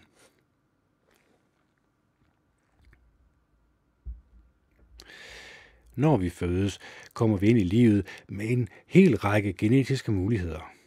Hvilke af disse muligheder, der udvikles, afhænger af i høj grad af kvaliteten af vores forhold til vores forældre. Vores forældre er vores første og vigtigste arkitekter. Fra livets første øjeblik former en mor og en far deres spædbarn gennem den måde, hvorpå de interagerer med det. Inden for forældrestimuleringsmiljø begynder barnets jeg at tage form, indbefattet om barnet ubesværet vil kunne give og modtage – Faktisk bliver forældrene kunstnerne, der bruger forældre-barn-forholdet som materiale for kreativiteten. Sommetider er det en bevidst proces, som ofte er det ikke. Der er yderligere muligheder for at revidere tidlige mønstre og tilføje nye, skønt de ikke er så kraftigt virkende som forældreindflydelsen. Barnet og derpå den voksne bliver bestandigt formet på godt eller ondt af vigtige forhold til andre indtil døden. Skolekammerater, lærere, kærester, ægtefæller, børn, medarbejdere, terapeuter, alle har mulighed for at omordne nogle af de første byggesten, som blev lagt i de tidlige år. Hvert længerevarende forhold vil efterlade sig mærke på den måde, hvorpå mennesker tænker, føler, opfører sig og reagerer – Forhold til andre er redskabet for selvskabelse og genskabelsen gennem hele livet. Bevidstheden om, at forhold til andre er vigtige, er ikke ny, selvom Freud undervurderede deres betydningsfuldhed. Han var så optaget af at grundfæste psykoanalysen i videnskaben, at han opfattede mennesker som hovedsagelige biologiske skabninger, dyr med tvilling i drifterne, sex og aggression – i begyndelsen af sit kliniske liv baserede han psykoanalysen på særskilt erfaring på bekostning af forbundet erfaring. Han ønsker at sikre sig, at hans idéer blev bygget på et solidt, rationelt og respektabelt grundlag med en systematisk mitologi til forståelse af den menneskelige psyke. Virkning af at fokusere på dette anlæggende var, at han tilsidesatte indflydelsen af det vigtige, men meget mere vage forbundne erfaring både i varetagelsen af terapi og som en afgørende vej til forståelse for alle mennesker. Skønt hans skrifter set med vores nutidige øjne ikke på passende måde anerkender forhold til andre som skaber af personlighed, må han på et eller andet plan have vidst, at den primære drift for mennesker er at skabe interaktive bånd til andre. For siden Freuds tid har både skribenter og klinikker i stigende grad opfattet forhold til andre som den bestemmende kraft i personlig udvikling. Det nye er, det nye er vores voksne viden om, hvorfor og hvordan parforhold er så formende. Hvert år lærer vi mere om parforholdets biokemi og om, hvordan vores hjerne omsætter vores interaktioner med andre til vores fysiske jeg. Den kendskærning, at der nu er cellemæssige beviser for den påstand, at forhold til andre skaber manden og kvinden, giver forestillingen virkelig vægt. Det at vide, at vi efterlader os et fysisk spor af vores indflydelse på andre og deres indflydelse på os, bør gøre os mere omhyggelige i vores roller som forældre, lærere, elskere og partnere. Vi kender til forbindelsen mellem parforhold og hjernefunktionen på grund af vores evne til at frembringe detaljerede billeder af den levende hjerne. Hvis den eneste hjerne, vi kan undersøge, er en død hjerne, er vores muligheder for at forstå, hvordan mennesker tænker, føler og opfører sig begrænset. Det at kigge ind i levende menneskers komplekse hjerner har imidlertid gjort neurologien til et vigtigt studieområde. En af de ting, som neurologer har opdaget, er, at menneskehjerner kan adskille sig fra hinanden i betydelig grad. Forskning, som samordner målige forskelle i hjernestrukturen med bestemte slags livsoplevelser, har ført til den konklusion, at oplevelser faktisk opbygger hjernen. Vi kan se vidnesbyrd om, at når bestemte ting sker for mennesker i bestemte kritiske udviklingsperioder, ændrer deres hjerner som følge deraf. Vi ved for eksempel, at hjernen hos voksne, som blev mishandlet i barndommen, er statistisk forskellig fra hjerne hos dem, der ikke blev mishandlet. De, der er blevet udsat for betydelige skader i en meget ung alder, forbliver varigt mærket. Vi kan faktisk se den strukturelle forskel i de dele af deres hjerner, som har at gøre med følelse og hukommelse. Disse indre dele måtte tilpasse sig et fjendtligt miljø, og den tilpasning formede deres hjerne på bestemt måde. Disse hjerneændringer satte dem i stand til at overleve, men de gjorde det også sværere for overlevende at være lige så selvbevidste, selvregulerende eller selvsikre som de, der blev opfordret i gennemført kærlige hjem. Desuden giver hjernebilledteknikkerne også mulighed for at se, at forskellige dele af hjernen bliver aktive eller slumrende, afhængig af, hvilken slags problemløsning eller hvilken slags følelse et menneske oplever i et givet øjeblik. For eksempel er der fundet forbindelser mellem psykiatriske symptomer og ændringer af det dertil, dertil relateret stofskifte i de forskellige hjerneområder. Størstedelen af denne forskning omfatter lokalisering af det særlige kredsløb, der har at gøre med regulering af angst og frygt i forbindelse med eftervirkningen efter traumer. Yes, og så tror jeg lige, vi holder en lille pause, og så kommer vi tilbage igen. Yes, og så er vi tilbage igen. Og jeg tror faktisk, vi lader den her kærlighedsalkemi ligge til næste gang. Og så tror jeg faktisk, vi går over til en af de gamle bøger, øh, som man nok må sige, øh, det er Bibelen, jeg taler om. Og øh, så kan man prøve at se efter, om de mennesker, øh, som fulgte øh, Bibelens normer, om de også søgte kærligheden, om de også søgte det bedste i vores øh, medmennesker. Og øh, vi kommer til Johannes' andet brev. Og der er sådan ligesom en indledning, som egentlig forklarer øh, brevet, og jeg, nu kan jeg ikke lige huske helt præcis, hvornår det var skrevet, men det er jo omkring år, ja, det er jo, det være hvad, 100 eller sådan noget, år 100 eller sådan noget. Øhm, men vi går lige ind, og så læser vi om Johannes' andet brev. Indeholder budskab. Brevet er skrevet i en bestemt menighed, men vi ved ikke hvilken, da Johannes bruger kodesprog for at undgå at afsløre menighedens identitet – de kristne blev ofte forfulgt og mødtes i al hemmelighed. Menigheden kaldes den udvalgte frue, og menighedens medlemmer fruens børn. Søstermenigheden, som Johannes opholder sig i, kaldes fruens søster. Johannes røber heller ikke sin egen identitet, men kalder sig den gamle mand – at om, han opmuntrer læserne til at være lydige mod det kærlighedsbud, som Jesus demonstrerede og forkyndte, og som de har kendt lige fra den første gang, de hørte budskabet om Jesus. Samtidig opfordrer han dem til at have sund dømmekraft, så de kan skelne den sande lære fra den falske. Ved at støtte falsk lære gør man sig nemlig medansvarlig i kætteri. Indledende hilsen og bøn. Kære udvalgte frue, den gamle mand sender mange hilsner til dig og dine børn, som jeg elsker meget højt. Og det er ikke kun mig, der elsker jer, men det gør alle, der er kommet til erkendelsen af sandheden. Vi er knyttet sammen, fordi vi har taget imod sandheden, og den bliver i os til evig tid. Min bøn for jer er, at Gud, Faren og Jesus Kristus, hans søn, vil give jer noget, barmhjertighed og fred til at leve jeres liv i sandhed og kærlighed. Hvor har det glædet mig at møde nogle af dine børn her og se, at de lever i overensstemmelse med sandheden, sådan som faren har befalet os. Alligevel vil jeg minde jer derom, øh, kære fru, at vi altid skal vise hinanden kærlighed. Det er ikke nogen ny befaling, jeg skriver til dig. Det er den samme, vi altid har kendt. Hvordan viser vi så kærlighed? Det gør vi ved at følge hans befaling, og hans befaling er, at vi skal leve i kærligheden, sådan som vi har hørt det fra begyndelsen. Det er vigtigt, at I holder fast ved sandheden, for der er mange bedragere, som rejser rundt i verden. De tror ikke på, at Jesus, Messias, kom til jorden som et menneske af kød og blod. Den slags folk er bedragere, og de lever i oprør mod Kristus. Pas på, at I ikke mister noget af det, I allerede har opnået, men gør, hvad I kan, for at I til sidst kan få den fulde løn af Jehova.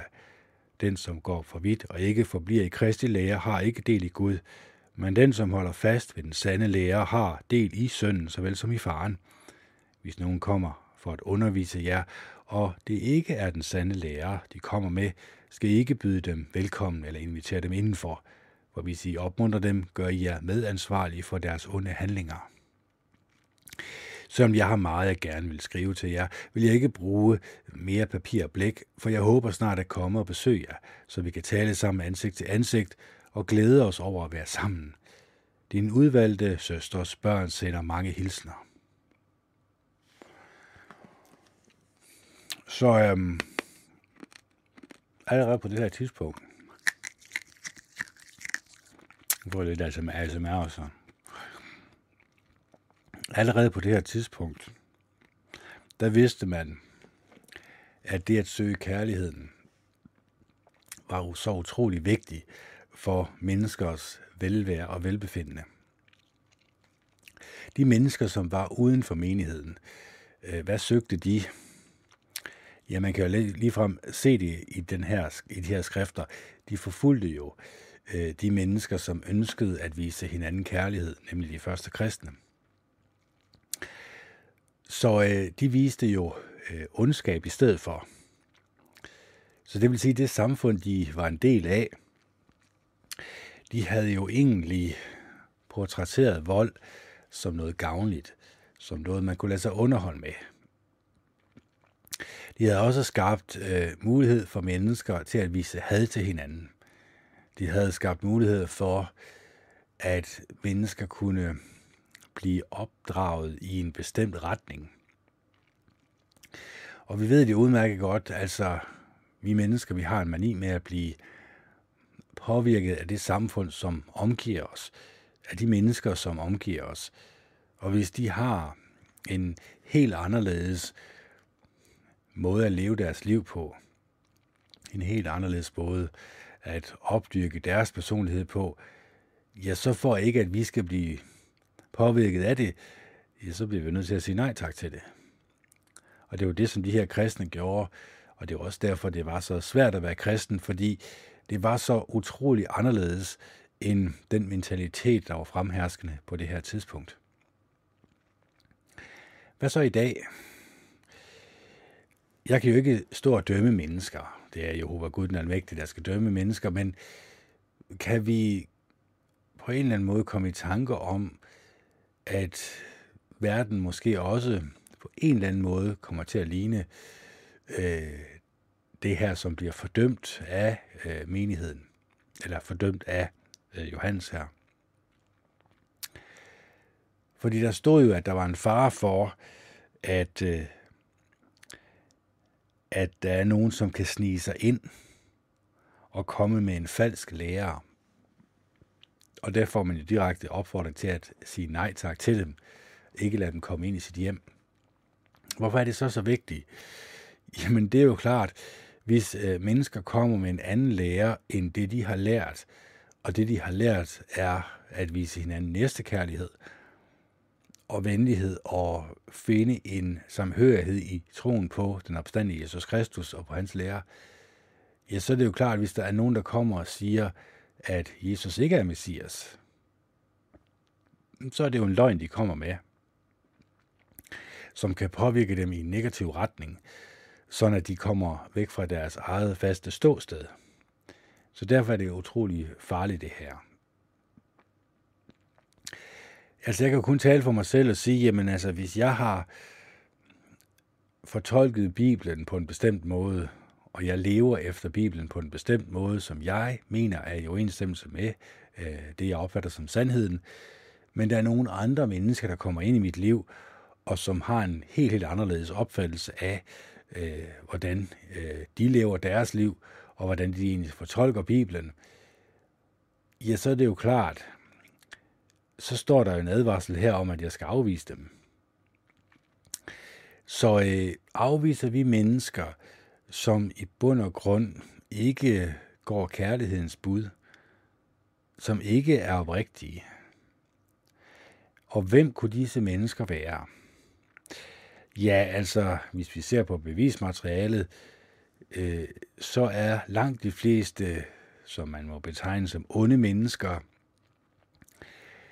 så er det mennesker, som har søgt magt i samfundet. Det er politikerne, det er øh, magthaverne, og det er især også de mennesker, desværre, synes jeg, må man nok sige, øh, som er ansat af staten. Det er ikke der, hvor du får den kritiske stemme fra. Øh, snart tværtimod. Hvad kunne den yderste konsekvens være af, at de mennesker, som er ansat af staten, øh, de egentlig bare gør, hvad der bliver sagt. De egentlig bare følger ordre. Den yderste konsekvens er jo, at det kommer til at ligne det, som det gjorde i Rusland under kommunismen. Og vi ved, hvor gralt det gik til sidst.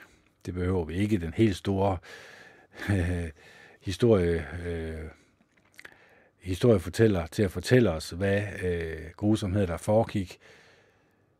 Men hvorfor var der så så mange millioner vis af mennesker, som valgte at følge en regering, som tydeligvis trak dem i en meget, meget negativ retning? Ja, altså frygt er jo selvfølgelig en af de drivkræfter, øh, som rigtig mange regeringer rundt op gennem verdenshistorien har brugt til at manipulere med deres befolkning og til at få dem til at sige ja til en agenda, som de ellers ikke ville øh, sige ja til, hvis de øh, var kritiske tænkende mennesker. Og det er jo selvfølgelig også det, vi desværre har set i dag, hvor vi har fået den her frygtporno ind igennem de sidste halvandet to år, og hvor vi som mennesker er begyndt at tænke i en retning, som ikke er særlig pænt og behageligt over for vores medmennesker. Så øh, det, som vi egentlig har lavet os påvirke af, det er jo egentlig de negative menneskelige egenskaber, som er blevet portrætteret som noget, vi kan lade os underholde med, som noget, vi kan acceptere. Når vi så først har accepteret det, hvad kunne så være det næste? Ja, det næste, det kunne jo være, at her til efteråret, jamen, der vil jo ske en opblusselse af den her sygdom, og nu siger jeg selvfølgelig i parentes sygdom, fordi det har ikke en skid med en sygdom at gøre, men det vil jo være alle de her enormt mange bivirkninger, som kommer til overfladen. Der vil jo der vil de jo selvfølgelig ikke sige sandheden og sige, at det er bivirkninger fra vaccinerne, men det vil selvfølgelig øh, være skylden, som bliver givet til en ny variation af sygdommen. Så vil samfundet endnu en gang blive lukket ned, og så vil de mennesker, som ikke er vaccineret, de vil selvfølgelig få skylden, og de vil blive lagt for had, og de vil få et mundbind eller armbind på sig, en jødestjerne måske med øh, en, øh, en kanyle med et øh, kryds over, øh, og så kan militæret jo se de mennesker, som ikke er vaccineret, det er dem, vi skal tage med i de her lejre, som allerede nu er ved at blive bygget inden for militæret, til de mennesker, som ikke er vaccineret. Og det er jo lidt barsk at sige, jeg håber selvfølgelig heller ikke, det går i opfyldelse, men jeg ved jo, at Lars Andersen har interviewet ham her øh, fra Frømandskorpset, som har insight, viden om, hvad der foregår inde bag de lukkede døre øh, inde i militæret.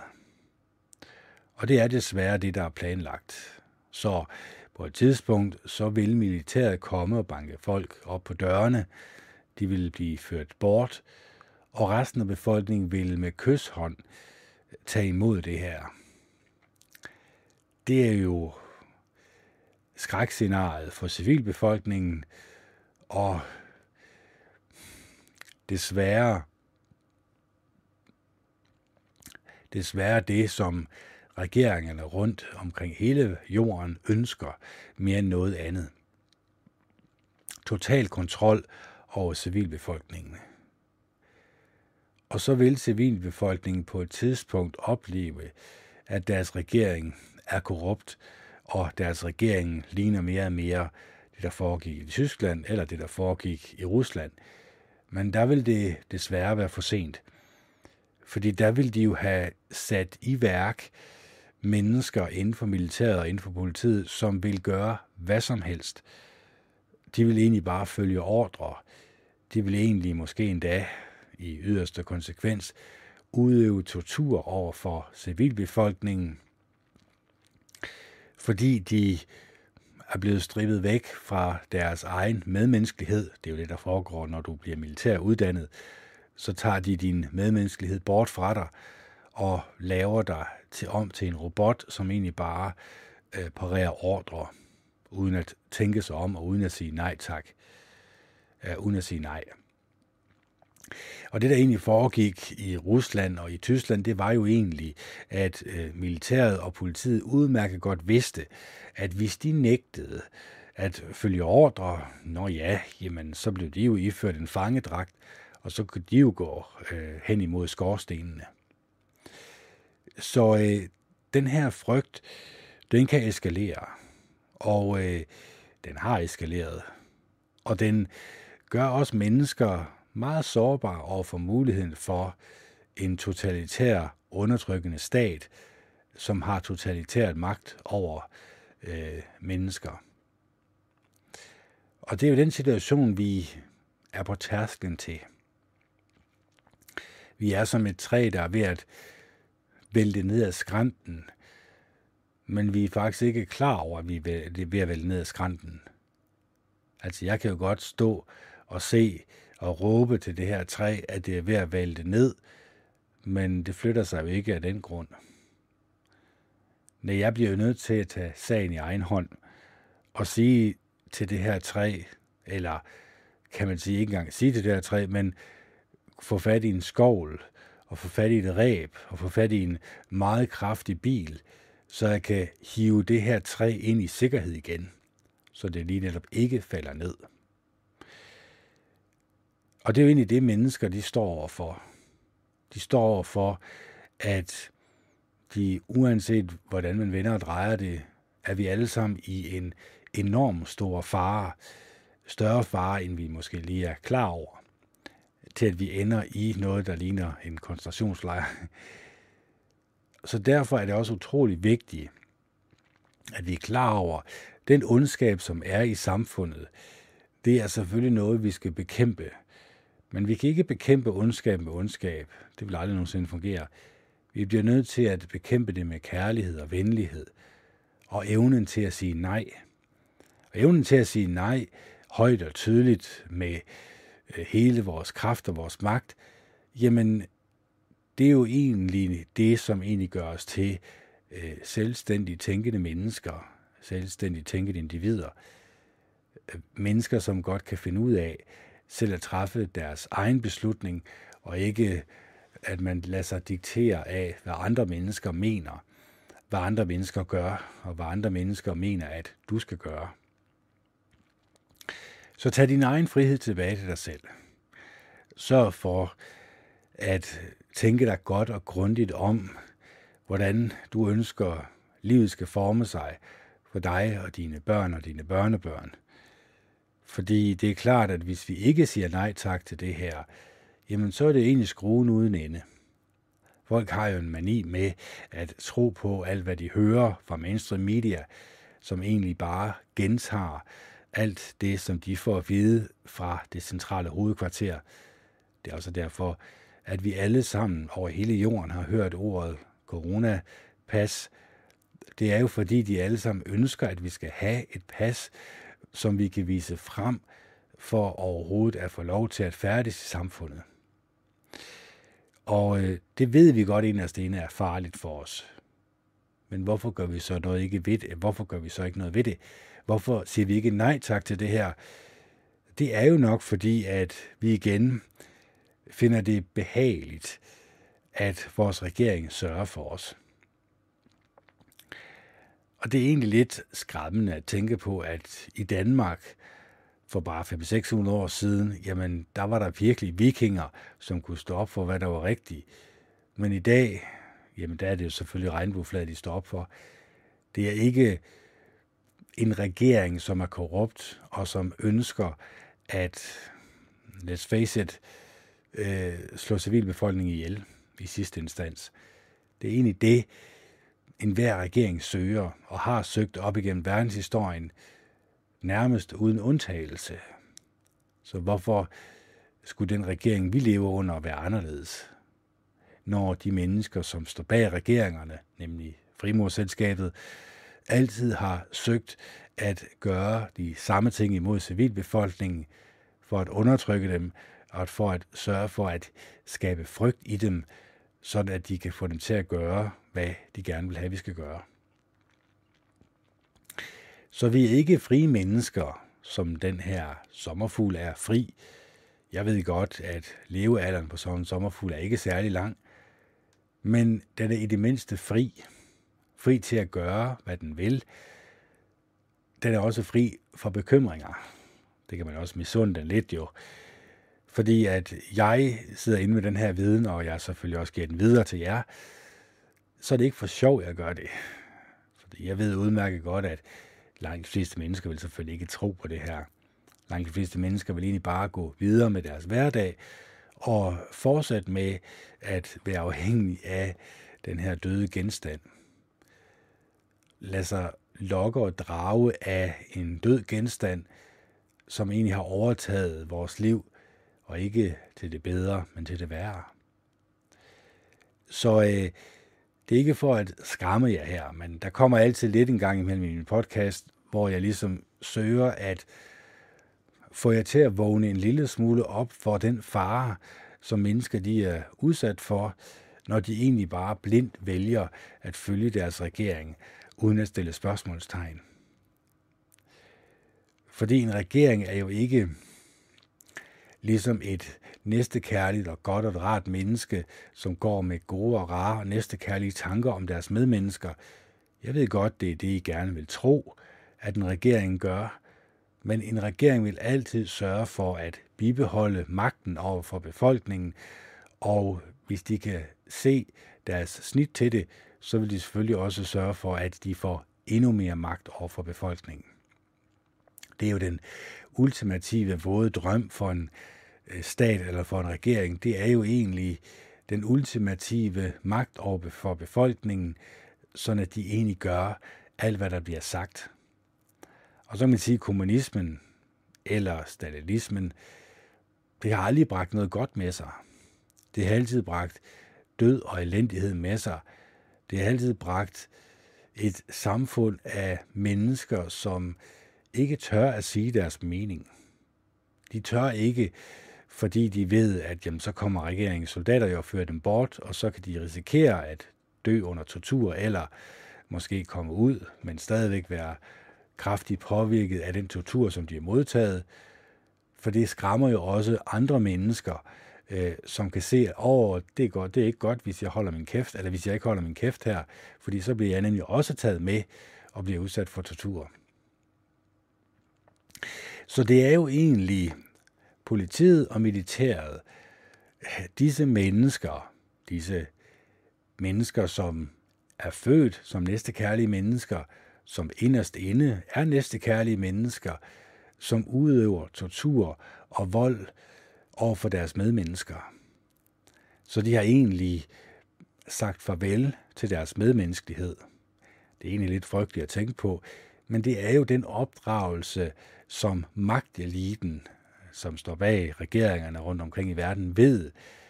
Det er jo igennem systematisk at finde ud af, hvordan kan vi manipulere mennesker øh, til at gøre, hvad der bliver sagt, til at parere ordre, så giver vi dem en uddannelse, hvor at hovedformålet er at tage deres medmenneskelighed væk fra dem.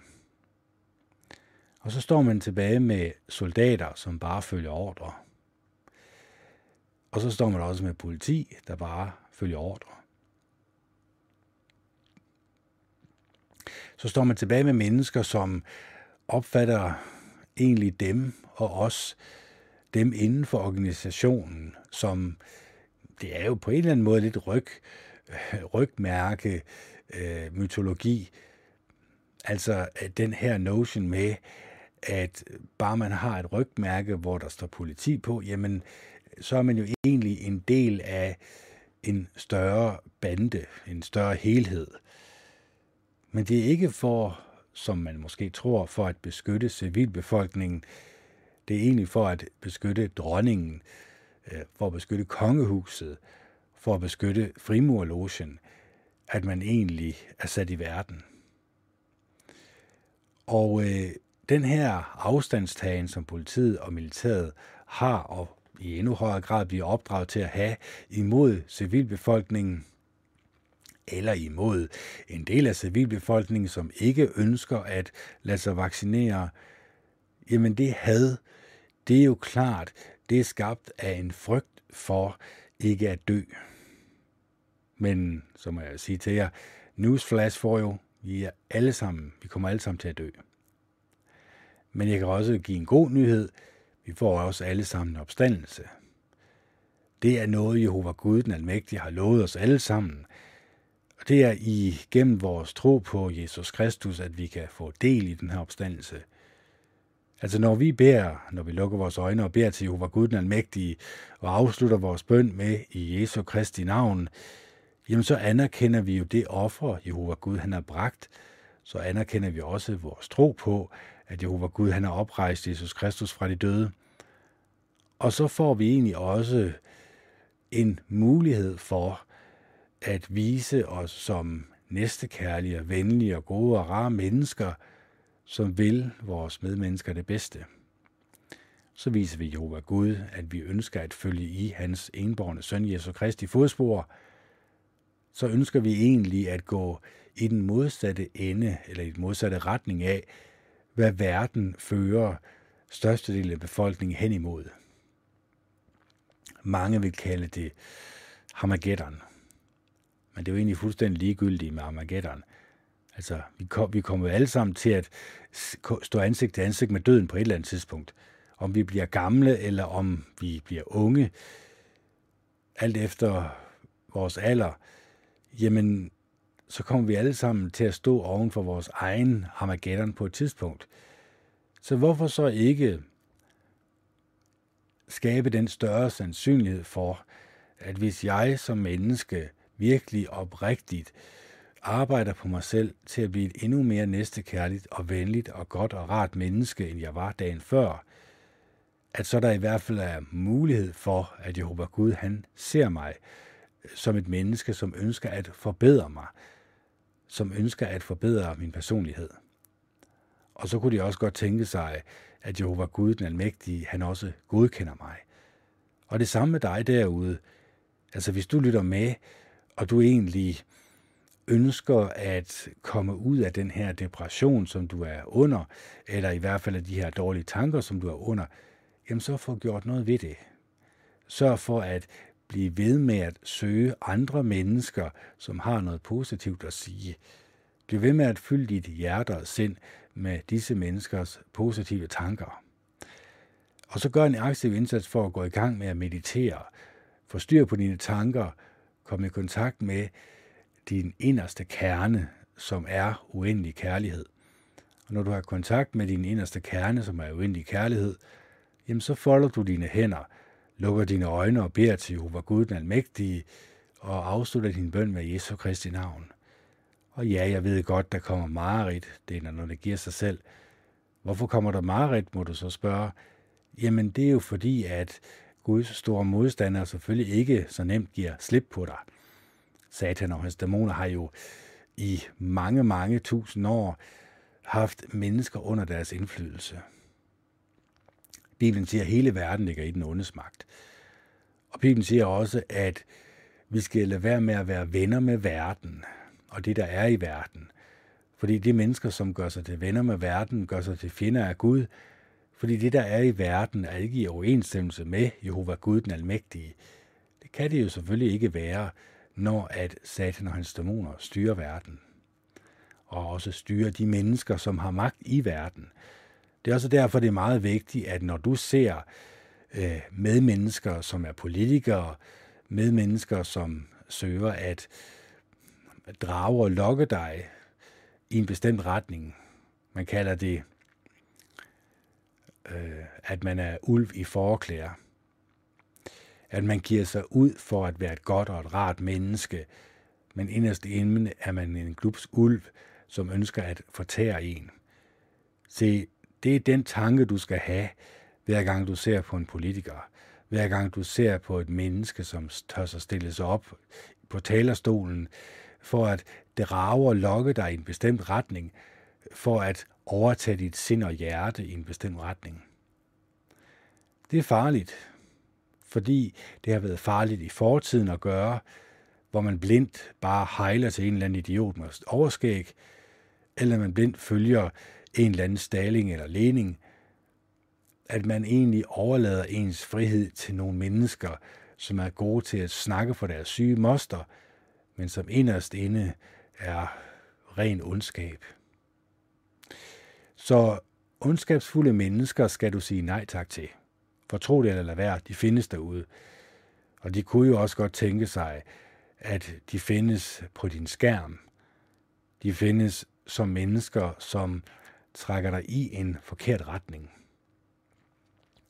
Så lad os trækkes i en rigtig retning, i en næstekærlig og åbenhjertig og en retning, som får os til at åbne os op for vores medmennesker. For vi er ikke så slemme, som I går og tror. Vi er jo mennesker ligesom dig og mig. Altså, jeg er et menneske af kød og blod, som ønsker det bedste for mine medmennesker. Det er jo klart, at hvis jeg går ud i samfundet og oplever en utrolig næstekærlig og venlig og rar ånd fra andre mennesker, jamen så føler jeg da mig tiltrukket af dem. Men det modsatte er selvfølgelig også rigtigt. Hvis jeg kommer ud i verden og møder en modstand, en nedladende tale, hvor mennesker de ikke ønsker at ændre deres sind og hjerte, ja, så føler jeg mig jo knap så velkommen. Så det er også ret vigtigt, at jeg skaber en god og rar atmosfære rundt omkring mig, og så gør jeg selvfølgelig også en aktiv indsats for at øh, tillokke andre mennesker, som også ønsker det samme, som jeg gør. Så øh, det er ikke for at sige, at I er onde mennesker. Det er I bestemt ikke. Men det er for at sige, at det kunne tænke sig, at det skrald fra skraldespanden egentlig kommer fra onde mennesker. Og ved at fortsætte med at kigge på det, og lade jer drage og lokke af det, blive ved med at konsumere det, blive ved med at stole på det, at I så egentlig stoler på onde mennesker, og så lader jer også påvirke af onde mennesker. Det er egentlig en idé, som verden gør med serier og film, som egentlig lyder godt og er underholdende, men når vi sådan begynder at tænke lidt dybere over, hvad er det i virkeligheden, det viser os på skærmen? Er det virkelig nogle næstekærlige, gode og rare mennesker, som ønsker det bedste for os? Eller er det mennesker fyldt med intriger, fyldt med bagtagelse, fyldt med onde tanker, som vi lader os underholde med? Se, øh, det kan være barsk at sige det højt, det her, men det er jo kun barsk, hvis det resonerer iblandt jer og det tror jeg nu også, det gør, for en af stene, så ved I godt, at det, jeg siger, er rigtigt. Det, jeg siger, er i overensstemmelse med sandheden. Fordi jeg prøver jo oprigtigt at fortælle jer sandheden. Ifølge mig selv, det er jeg godt klar over. Jeg er godt klar over, at jeg ikke har hele sandheden. Måske har jeg kun en del af den. Men jeg ved i hvert fald, og kender verdenshistorien nok til, at måtte advare jer imod blindt at følge en regering, som tydeligvis drager, og lokker og tager i en retning, som ikke er særlig hensigtsmæssig. I kommer et sted hen, hvor I vil følge jer ensomme, hvor I vil følge jer forladte, hvor I vil føle en form for depression, som I aldrig nogensinde har følt før, fordi I lå jer drage og lokke af onde mennesker, som inderst inde er glupske ulve. Så lad ikke drage og lokke længere. Sig nej tak til det. Begynd at finde på andre steder, hvor I kunne søge noget opmuntrende, noget opbyggende, nogle mennesker, som siger noget positivt til jer, har nogle gode historier at fortælle jer, har nogle oplevelser, de har haft i deres liv, hvor I kan drage nytte og gavn af det, hvor I kan huske tilbage på også nogle gode og rare oplevelser, I har haft i jeres liv, så I har gode og rare minder, I kan huske på. Og så brug tid og lyst og lejlighed til at finde guldkorn, som kunne berige jeres liv, og som kunne være opmuntrende i jeres liv. Så øh, hvad, skal vi, hvad skal vi så? Skal vi have galaterne? Det er jo så en af de længere, er det ikke? Det er det vist. Jeg tror faktisk, det er en af de rigtig lange. Vi kan også tage Efeserne. Ah, vi kan, det er, ved du hvad. Nej, det er, det, vi tager galaterne, ved du hvad. Den er ikke længere end så er dem 20 minutter gået. Han er måske lidt mere. Så vi tager lige galaterne, og så tager vi lige det indledende til galaterne. Øh, der er forfatteren datering, øh, skrevet af apostlen Paulus, sandsynligvis i Antiochia, cirka 49 efter Kristi fødsel, umiddelbart efter den store apostelmøde i Jerusalem. Indeholder budskab. De jødekristne lærere kom til galaterne med et andet budskab end det Paulus og Barnabas havde givet dem. Derfor er det vigtigt for Paulus at forsvare sit kald som apostel, et kald, som man ikke fik fra mennesker, men fra Gud. Paulus imødegår i skarpe vendinger de jødekristnes falske lærer. Frelsen bygger hverken på omskærelse eller forsøg på at overholde de jødiske lov. Den bygger alene på troen på Jesus Kristus, som døde for os, og derved satte os fri fra Guds vrede og straf. Paulus henviser også til Abraham, troens far, der levede over 400 år før de jødiske love blev givet til Moses. Siden Abraham blev accepteret af Gud på grundlag af sin tro, hvordan kan nogen så hævde, at det er nødvendigt at overholde de jødiske love for at blive accepteret af Gud? Samtidig fastslår Paulus, hvad et sundt kristenliv er. Det udspringer af troen på Jesus Kristus og leves ved lydighed over for Helligåndens vejledning. Brevet understreger den dybe sandhed, at vi bliver frelst alene af Guds nåde ved tro på Jesus. Al anden lære er falsk. Ved tro får vi fred med Gud og bliver åndeligt set børn af Abraham, og dermed også Guds nye trosfolk, det sande eller åndelige Israel. Den frihed må de troende aldrig opgive. Men friheden må ikke misbruges til at gøre oprør mod Guds vilje. Vi skal leve under Guds ånds ledelse, for kun da er det muligt at opfylde kærlighedsbuddet og dermed også Torans intentioner. I den nye nådespagt er grundloven Kristi lov, også kaldet kærlighedsloven. Og jeg ved ikke, om jeg sagde det i den her podcast, men jeg har jo prøvet at forklare, hvordan jeg beviser, at Gud han eksisterer. Jeg prøver at sige det på den her måde. Altså, vi er i øjeblikket 7,8 milliarder mennesker her på jorden. Vi stammer jo alle sammen fra et æg og en sædcelle, som stammer fra et æg og en sædcelle, som stammer fra et æg og en sædcelle, osv. osv. Det vil sige, at vi stammer fra noget, som kunne placeres på toppen af knappenåls hoved. Det kunne så også placeres på toppen af knappenåls hoved. Det er vores far og vores mor. Det kunne så også placeres på toppen af knappenåls hoved. Det er vores bedstefar og bedstemor, og så det ser jeg jo som rimelig intelligent lavet. Derfor er der selvfølgelig også en intelligent skaber bag. Jeg tror, hans navn er Jehova Gud den Almægtige. Han kan tilbedes lige nu og her. Det kræver ikke, at I tager et eller andet bestemt sted hen, men at I blot lukker jeres øjne, beder til Jehova Gud den Almægtige og afslutter jeres bøn med Jesu Kristi navn, så vil jeg garantere for, at han skal nok reagere på det. Det behøver I ikke at være i tvivl om. Så, øh, så fortsætter vi med Galaterbrevet, og så ser vi efter. Jeg prøver så vidt muligt ikke at fortolke noget her, men jeg lader jer fortolke det, som I synes for godt. Indledende hilsen. Dette brev er fra Paulus, der er kaldet til at tjene Jesus som apostel. Min kaldelse kommer ikke fra et menneske eller en gruppe mennesker, den kommer fra Jesus Kristus selv og fra Gud, vores far, som oprejste ham fra de døde. Jeg og alle vennerne, som er sammen med mig her, sender mange hilsner til jer, som tilhører de kristne menigheder i provinsen Galatien. Noget være med jer og fred for Gud, vores far og Herren Jesus Kristus.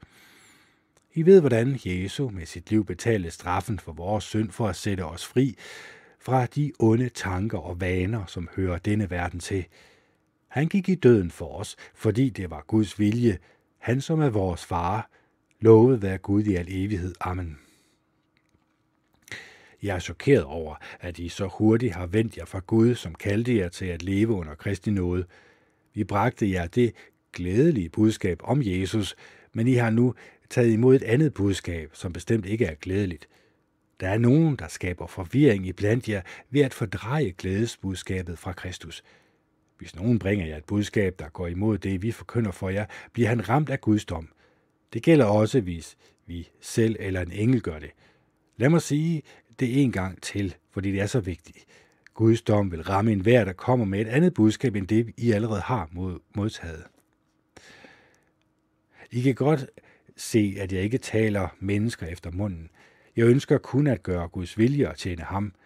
Hvis jeg bare sagde det, folk gerne vil høre, kunne jeg ikke tjene Kristus. Jeg understreger for jer, kære venner, at det budskab, jeg har forkyndt jer, ikke er noget, som mennesker har fundet på, eller noget, jeg har lært under mine studier. Det er Jesus Kristus selv, der har åbenbart det for mig. Jeg har hørt om, hvordan jeg engang levede som rettroende jøde. Jeg forfulgte de kristne al magt og forsøgte at udrydde Guds menighed.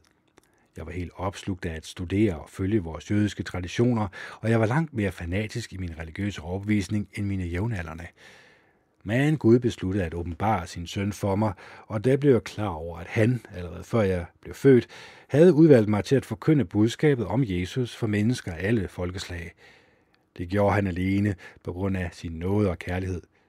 Da jeg fik den åbenbaring, spurgte jeg ikke mennesker til råds, og jeg tog ikke til Jerusalem for at blive belært af dem, som allerede var apostler før mig. Nej, jeg hengav, og jeg begav mig straks ud i den arabiske ødemark og vendte senere tilbage til Damaskus. Først tre år efter, at Jesus havde vist sig for mig, tog jeg til Jerusalem for at lære apostlen Peter at kende, og jeg blev hos ham i to uger. Jeg så ikke noget til de andre apostle, undtagen Jesu bror Jakob.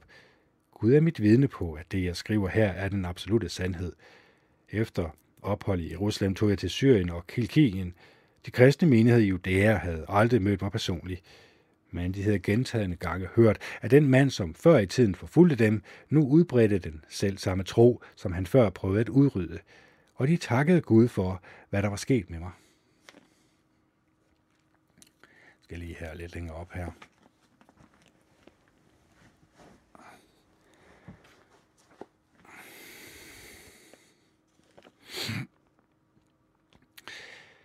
14 år efter tog jeg igen til Jerusalem, denne gang sammen med Barnabas.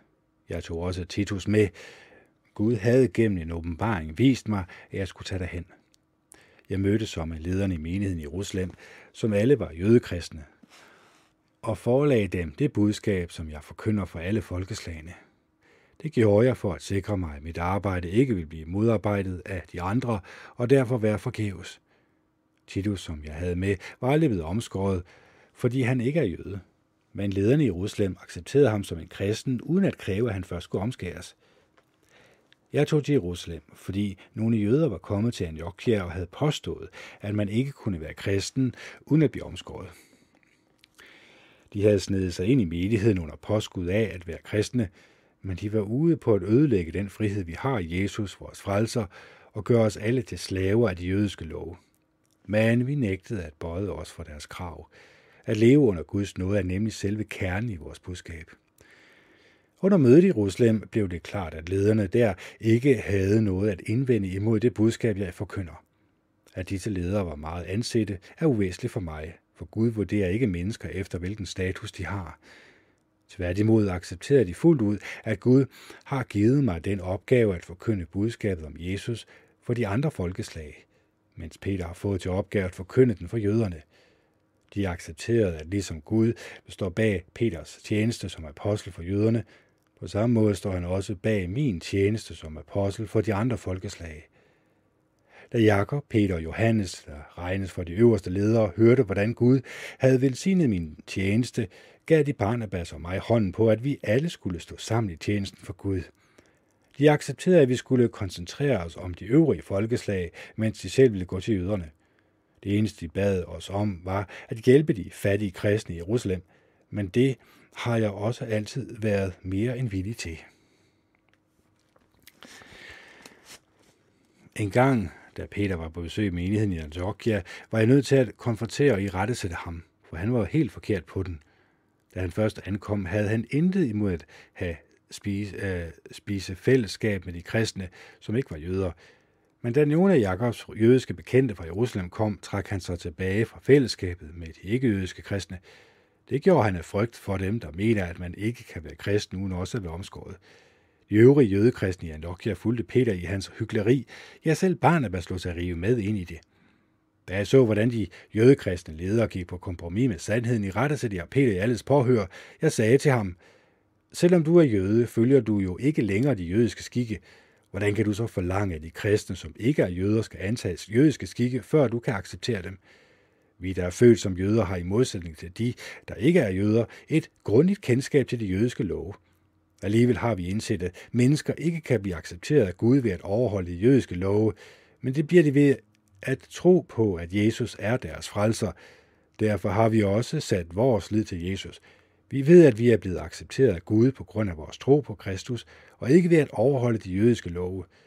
Nogle jøder betragter os som store syndere, fordi vi har sat de jødiske love til side, for i stedet for at blive accepteret på grundlag af, hvad Kristus har gjort for os. Er det sandt, at vi er store syndere, fordi vi har sat vores lid til Kristus i stedet for lovgærninger? Absolut nej. Det er kun, hvis jeg går tilbage og genopbygger det system af love, som jeg er blevet løst fra, at jeg virkelig er en synder. Også mit liv var engang styret af de jødiske love, men jeg blev løst fra dem for at kunne leve for Gud. Mit gamle liv er korsfæstet med Kristus. Jeg lever ikke, som jeg gjorde før, men nu lever Kristus i mig. Alt, hvad jeg gør, det gør jeg i troen på Guds søn, som elskede mig og gav sit liv for mig. Jeg står fast på, at Gud accepterer os alene på grund af sin nåde. Hvis det er muligt at blive accepteret af Gud ved blot at overholde de jødiske love, så døde Kristus jo til ingen nytte. I tåbelige galater, hvordan kunne I komme sådan på afveje? Har nogen forhekset jer? Har vi ikke klart fortalt jer om Kristi død på korset? Sig mig engang, modtog I Helligånden, fordi I var gode til at overholde de jødiske love, eller var det, fordi I greb om budskabet i tro? Er I virkelig så tåbelige? I begyndte jeres kristenliv så godt med at følge Guds ånd. Vil I nu forsøge at fuldføre det ved jeres egne anstrengelser? I har allerede været udsat for meget en forfølgelse, siden I blev kristne. Har det hele været til ingen nytte? Når Gud giver jer sin ånd og gør mirakler blandt jer, er det så, fordi I er gode til at overholde de jødiske love, eller fordi I tror på det budskab, I fik fortalt? Tænk på, at Abraham havde tro til Gud, og det var derfor Gud accepterede ham. I skal vide, at det er dem, der har tro som Abraham, der er de sande børn af Abraham. Skriften har for længe siden gjort det klart, at Gud vil acceptere alle folkeslag på grund af deres tro. Det kan man se af det løfte, Gud gav Abraham, nemlig Gennem dig vil alle folkeslag blive velsignet. Derfor vil alle, der har den samme tillid til Gud, som Abraham havde, også opnå den samme velsignelse, som Abraham opnåede. Alle, som prøver at blive accepteret af Gud på grundlag af lovgærninger, lever under Guds dom. Der står jo skrevet, en hver, som ikke holder fast ved og handler efter alt, hvad der er skrevet i denne lovbog, kommer under Guds dom. Det skulle være klart for enhver, at ingen opnår det evige liv ved at overholde Toraen. Der står jo skrevet, den retskaffende får livet ved sin tro. Men Toraen bygger ikke på tro, men på overholdelse af alle lovene. Der står jo skrevet, den der overholder alle disse love vil få livet derved. Nu må Kristus frikendte os fra den dom, som følger af ikke at kunne overholde alle lovene. Det gjorde han ved selv at gå ind under dommen, i stedet for at lade dommen ramme os. Da Jesus døde på korset, oplevede han Guds dom. For der står skrevet, den der hænges op på et stykke træ er under Guds dom. Da Jesus døde i stedet for os, nåede den velsignelse, som var lovet Abraham, ud til alle folkeslagene. Det betyder også, at det er ved tro, vi modtager Helligånden, som det lovede os. Så lige se her. Ja, vi er ved at være i viken, ja.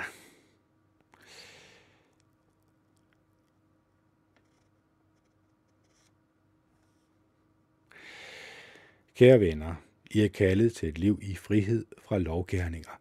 Men misbrug ikke friheden. Gør den ikke til en undskyldning for at handle selvisk. Nej, I skal tjene hinanden i kærlighed.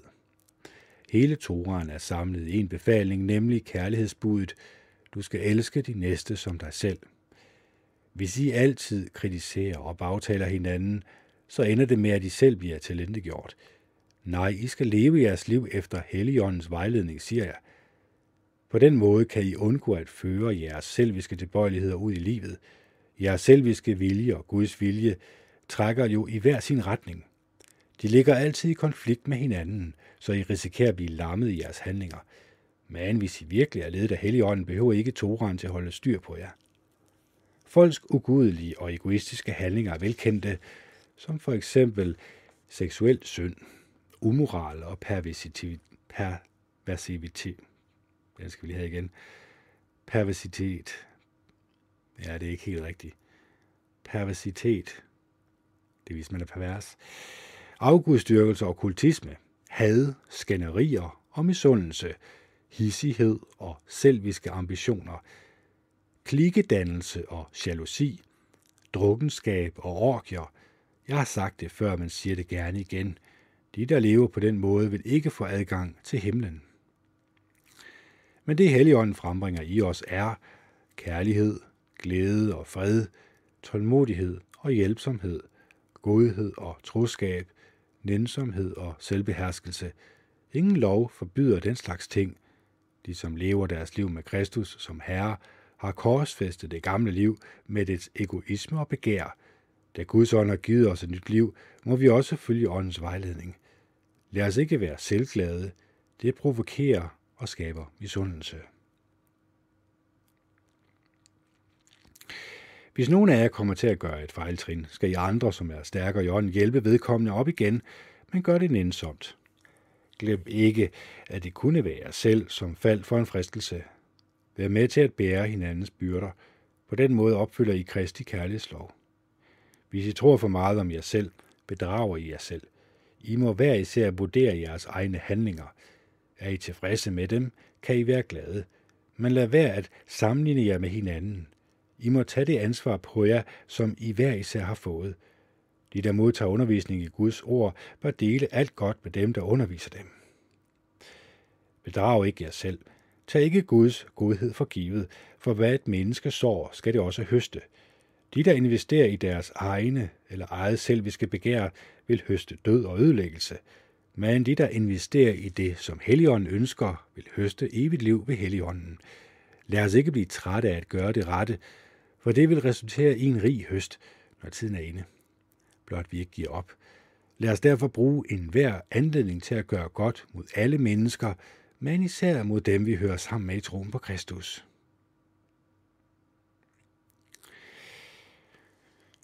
Så snip, snap, snud, så den historie ud. Så var der noget, I kunne bruge den til noget her. Altså, jeg er udmærket godt klar over, at I bliver selvfølgelig, I bliver selvfølgelig ikke bare kristne, fordi jeg lige knipser med fingrene, eller lige læser det her højt. Men var der noget godt og gavnligt, vi kunne bruge? Ja, selvfølgelig. Det synes jeg, der var. Var der noget, som skurede i øjnene, eller skurede i ørerne? Ja, selvfølgelig var der da det. Det er da klart. Man skal også være klar over, at det her det er skrevet for cirka 2000 år siden. Så øh, den oversættelse, vi nu har her, det er jo selvfølgelig også en dansk oversættelse, der er oversat til nutidsdansk. Men vi skal også være klar over, at hvis jeg bare tager en bog, der er 500 år gammel, og læser den højt for jer, sådan ordkorrekt, så vil I ikke forstå ret meget af, hvad der bliver sagt.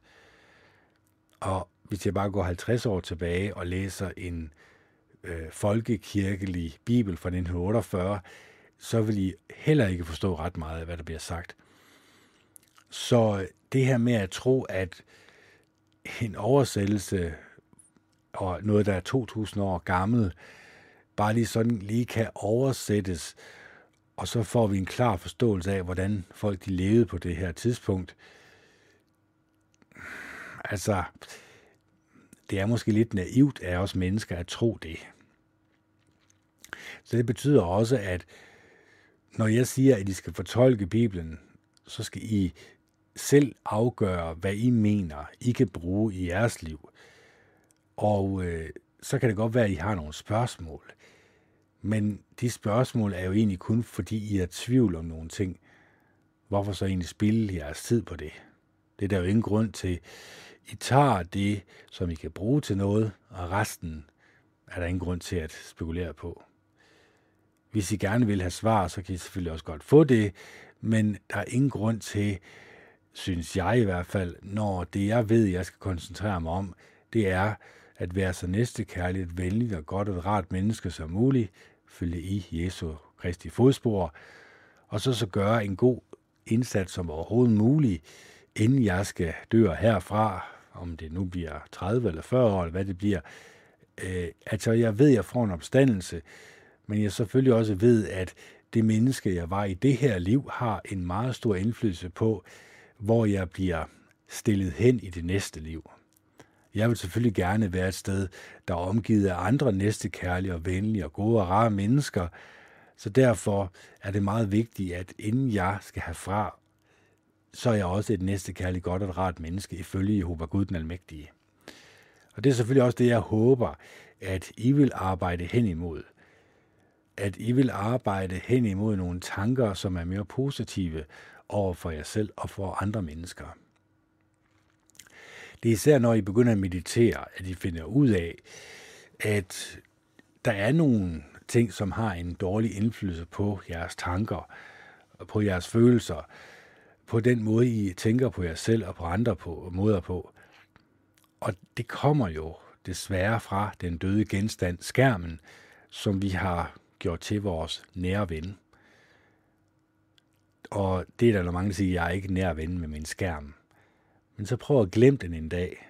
Prøv at lade den ligge derhjemme en dag, og prøv så at føle det afsavn, det er, at jeres mobiltelefon ligger derhjemme. Uh, det er godt at tænke på. Og det er jo en død genstand. Altså, det er jo ikke et levende menneske. Vi burde jo savne andre menneskers selskab mere, end vi egentlig ønsker at, at, at kigge på vores skærm i stedet for. Men igen, jeg ved udmærket godt, hvis jeg fik en besked eller en, øh, et eller andet, den lige bippede, nu er jeg selvfølgelig sat den på lydlås, men hvis den nu bippede, så ville jeg ikke kunne koncentrere mig rigtig 100% om at lave den her podcast, fordi jeg skulle lige hen og se, ah, det kunne være, der var en spændende besked om et eller andet. Men jeg ved udmærket godt, at ja, så vigtigt er det jo heller ikke. Men, men trods det, så har vi gjort vores telefon til en så interaktiv del af vores liv, at vi faktisk ikke kan undvære den. At vi faktisk har gjort den til vores nære ven. Så øh, jeg vil jo våge påstå, at gør naturen, gør skaberværket til jeres nære ven i stedet for. Nyd livet. Nyd det at være sammen med jeres venner så meget som overhovedet muligt. Nyd det at have nogle gode, opløftende og dybe samtaler med jeres medmennesker. Søg kærligheden, søg venligheden, søg ydmygheden og mildheden. Søg det, som du ved inderst inde godt gør dig lykkelig og glad. For det er også det, jeg ønsker at søge. Fordi så ved jeg, at ikke kun mig selv, men også dig derude, vil begynde en rejse, som hvor du lader dig påvirke i en positiv retning – hvor du som menneske og jeg som menneske, vi kan udvikle os som mere positive mennesker. Mennesker, som ser positivt på tilværelsen. Mennesker, som er positive over for vores medmennesker.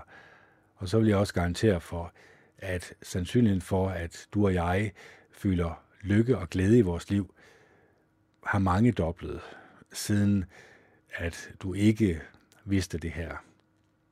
Meget simpelt øh, sagt, men selvfølgelig, det kræver en indsats for alle sider at gå i den retning, som gør os mere næstekærlige og venlige. Så med disse ord vil jeg ønske jer en fortsat god dag og god aften. Jeg håber, at der var lidt i min podcast, I kunne bruge til noget. Jeg håber selvfølgelig også, at der var nogle ting, som ikke var alt for oprevne. Men jeg håber selvfølgelig også, at I elsker hinanden og er gode og rare ved hinanden. Det er det i hvert fald Kenneth Andersen, der signer off. Det er den 5. i 9. 2021 kl. 20.37, og det er søndag. Hej hej.